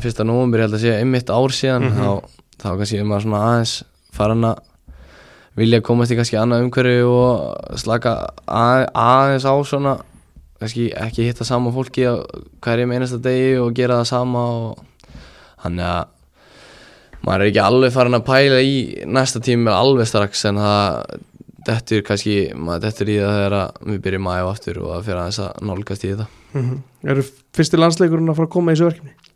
Já, ég ætla að vona að það veri mjög skemmtilegt Hvernig, þú veist, bara fara til Seúl og Abu Dhabi, bara heyra heyri sér upp, þú veist, spenntur fyrir þessu?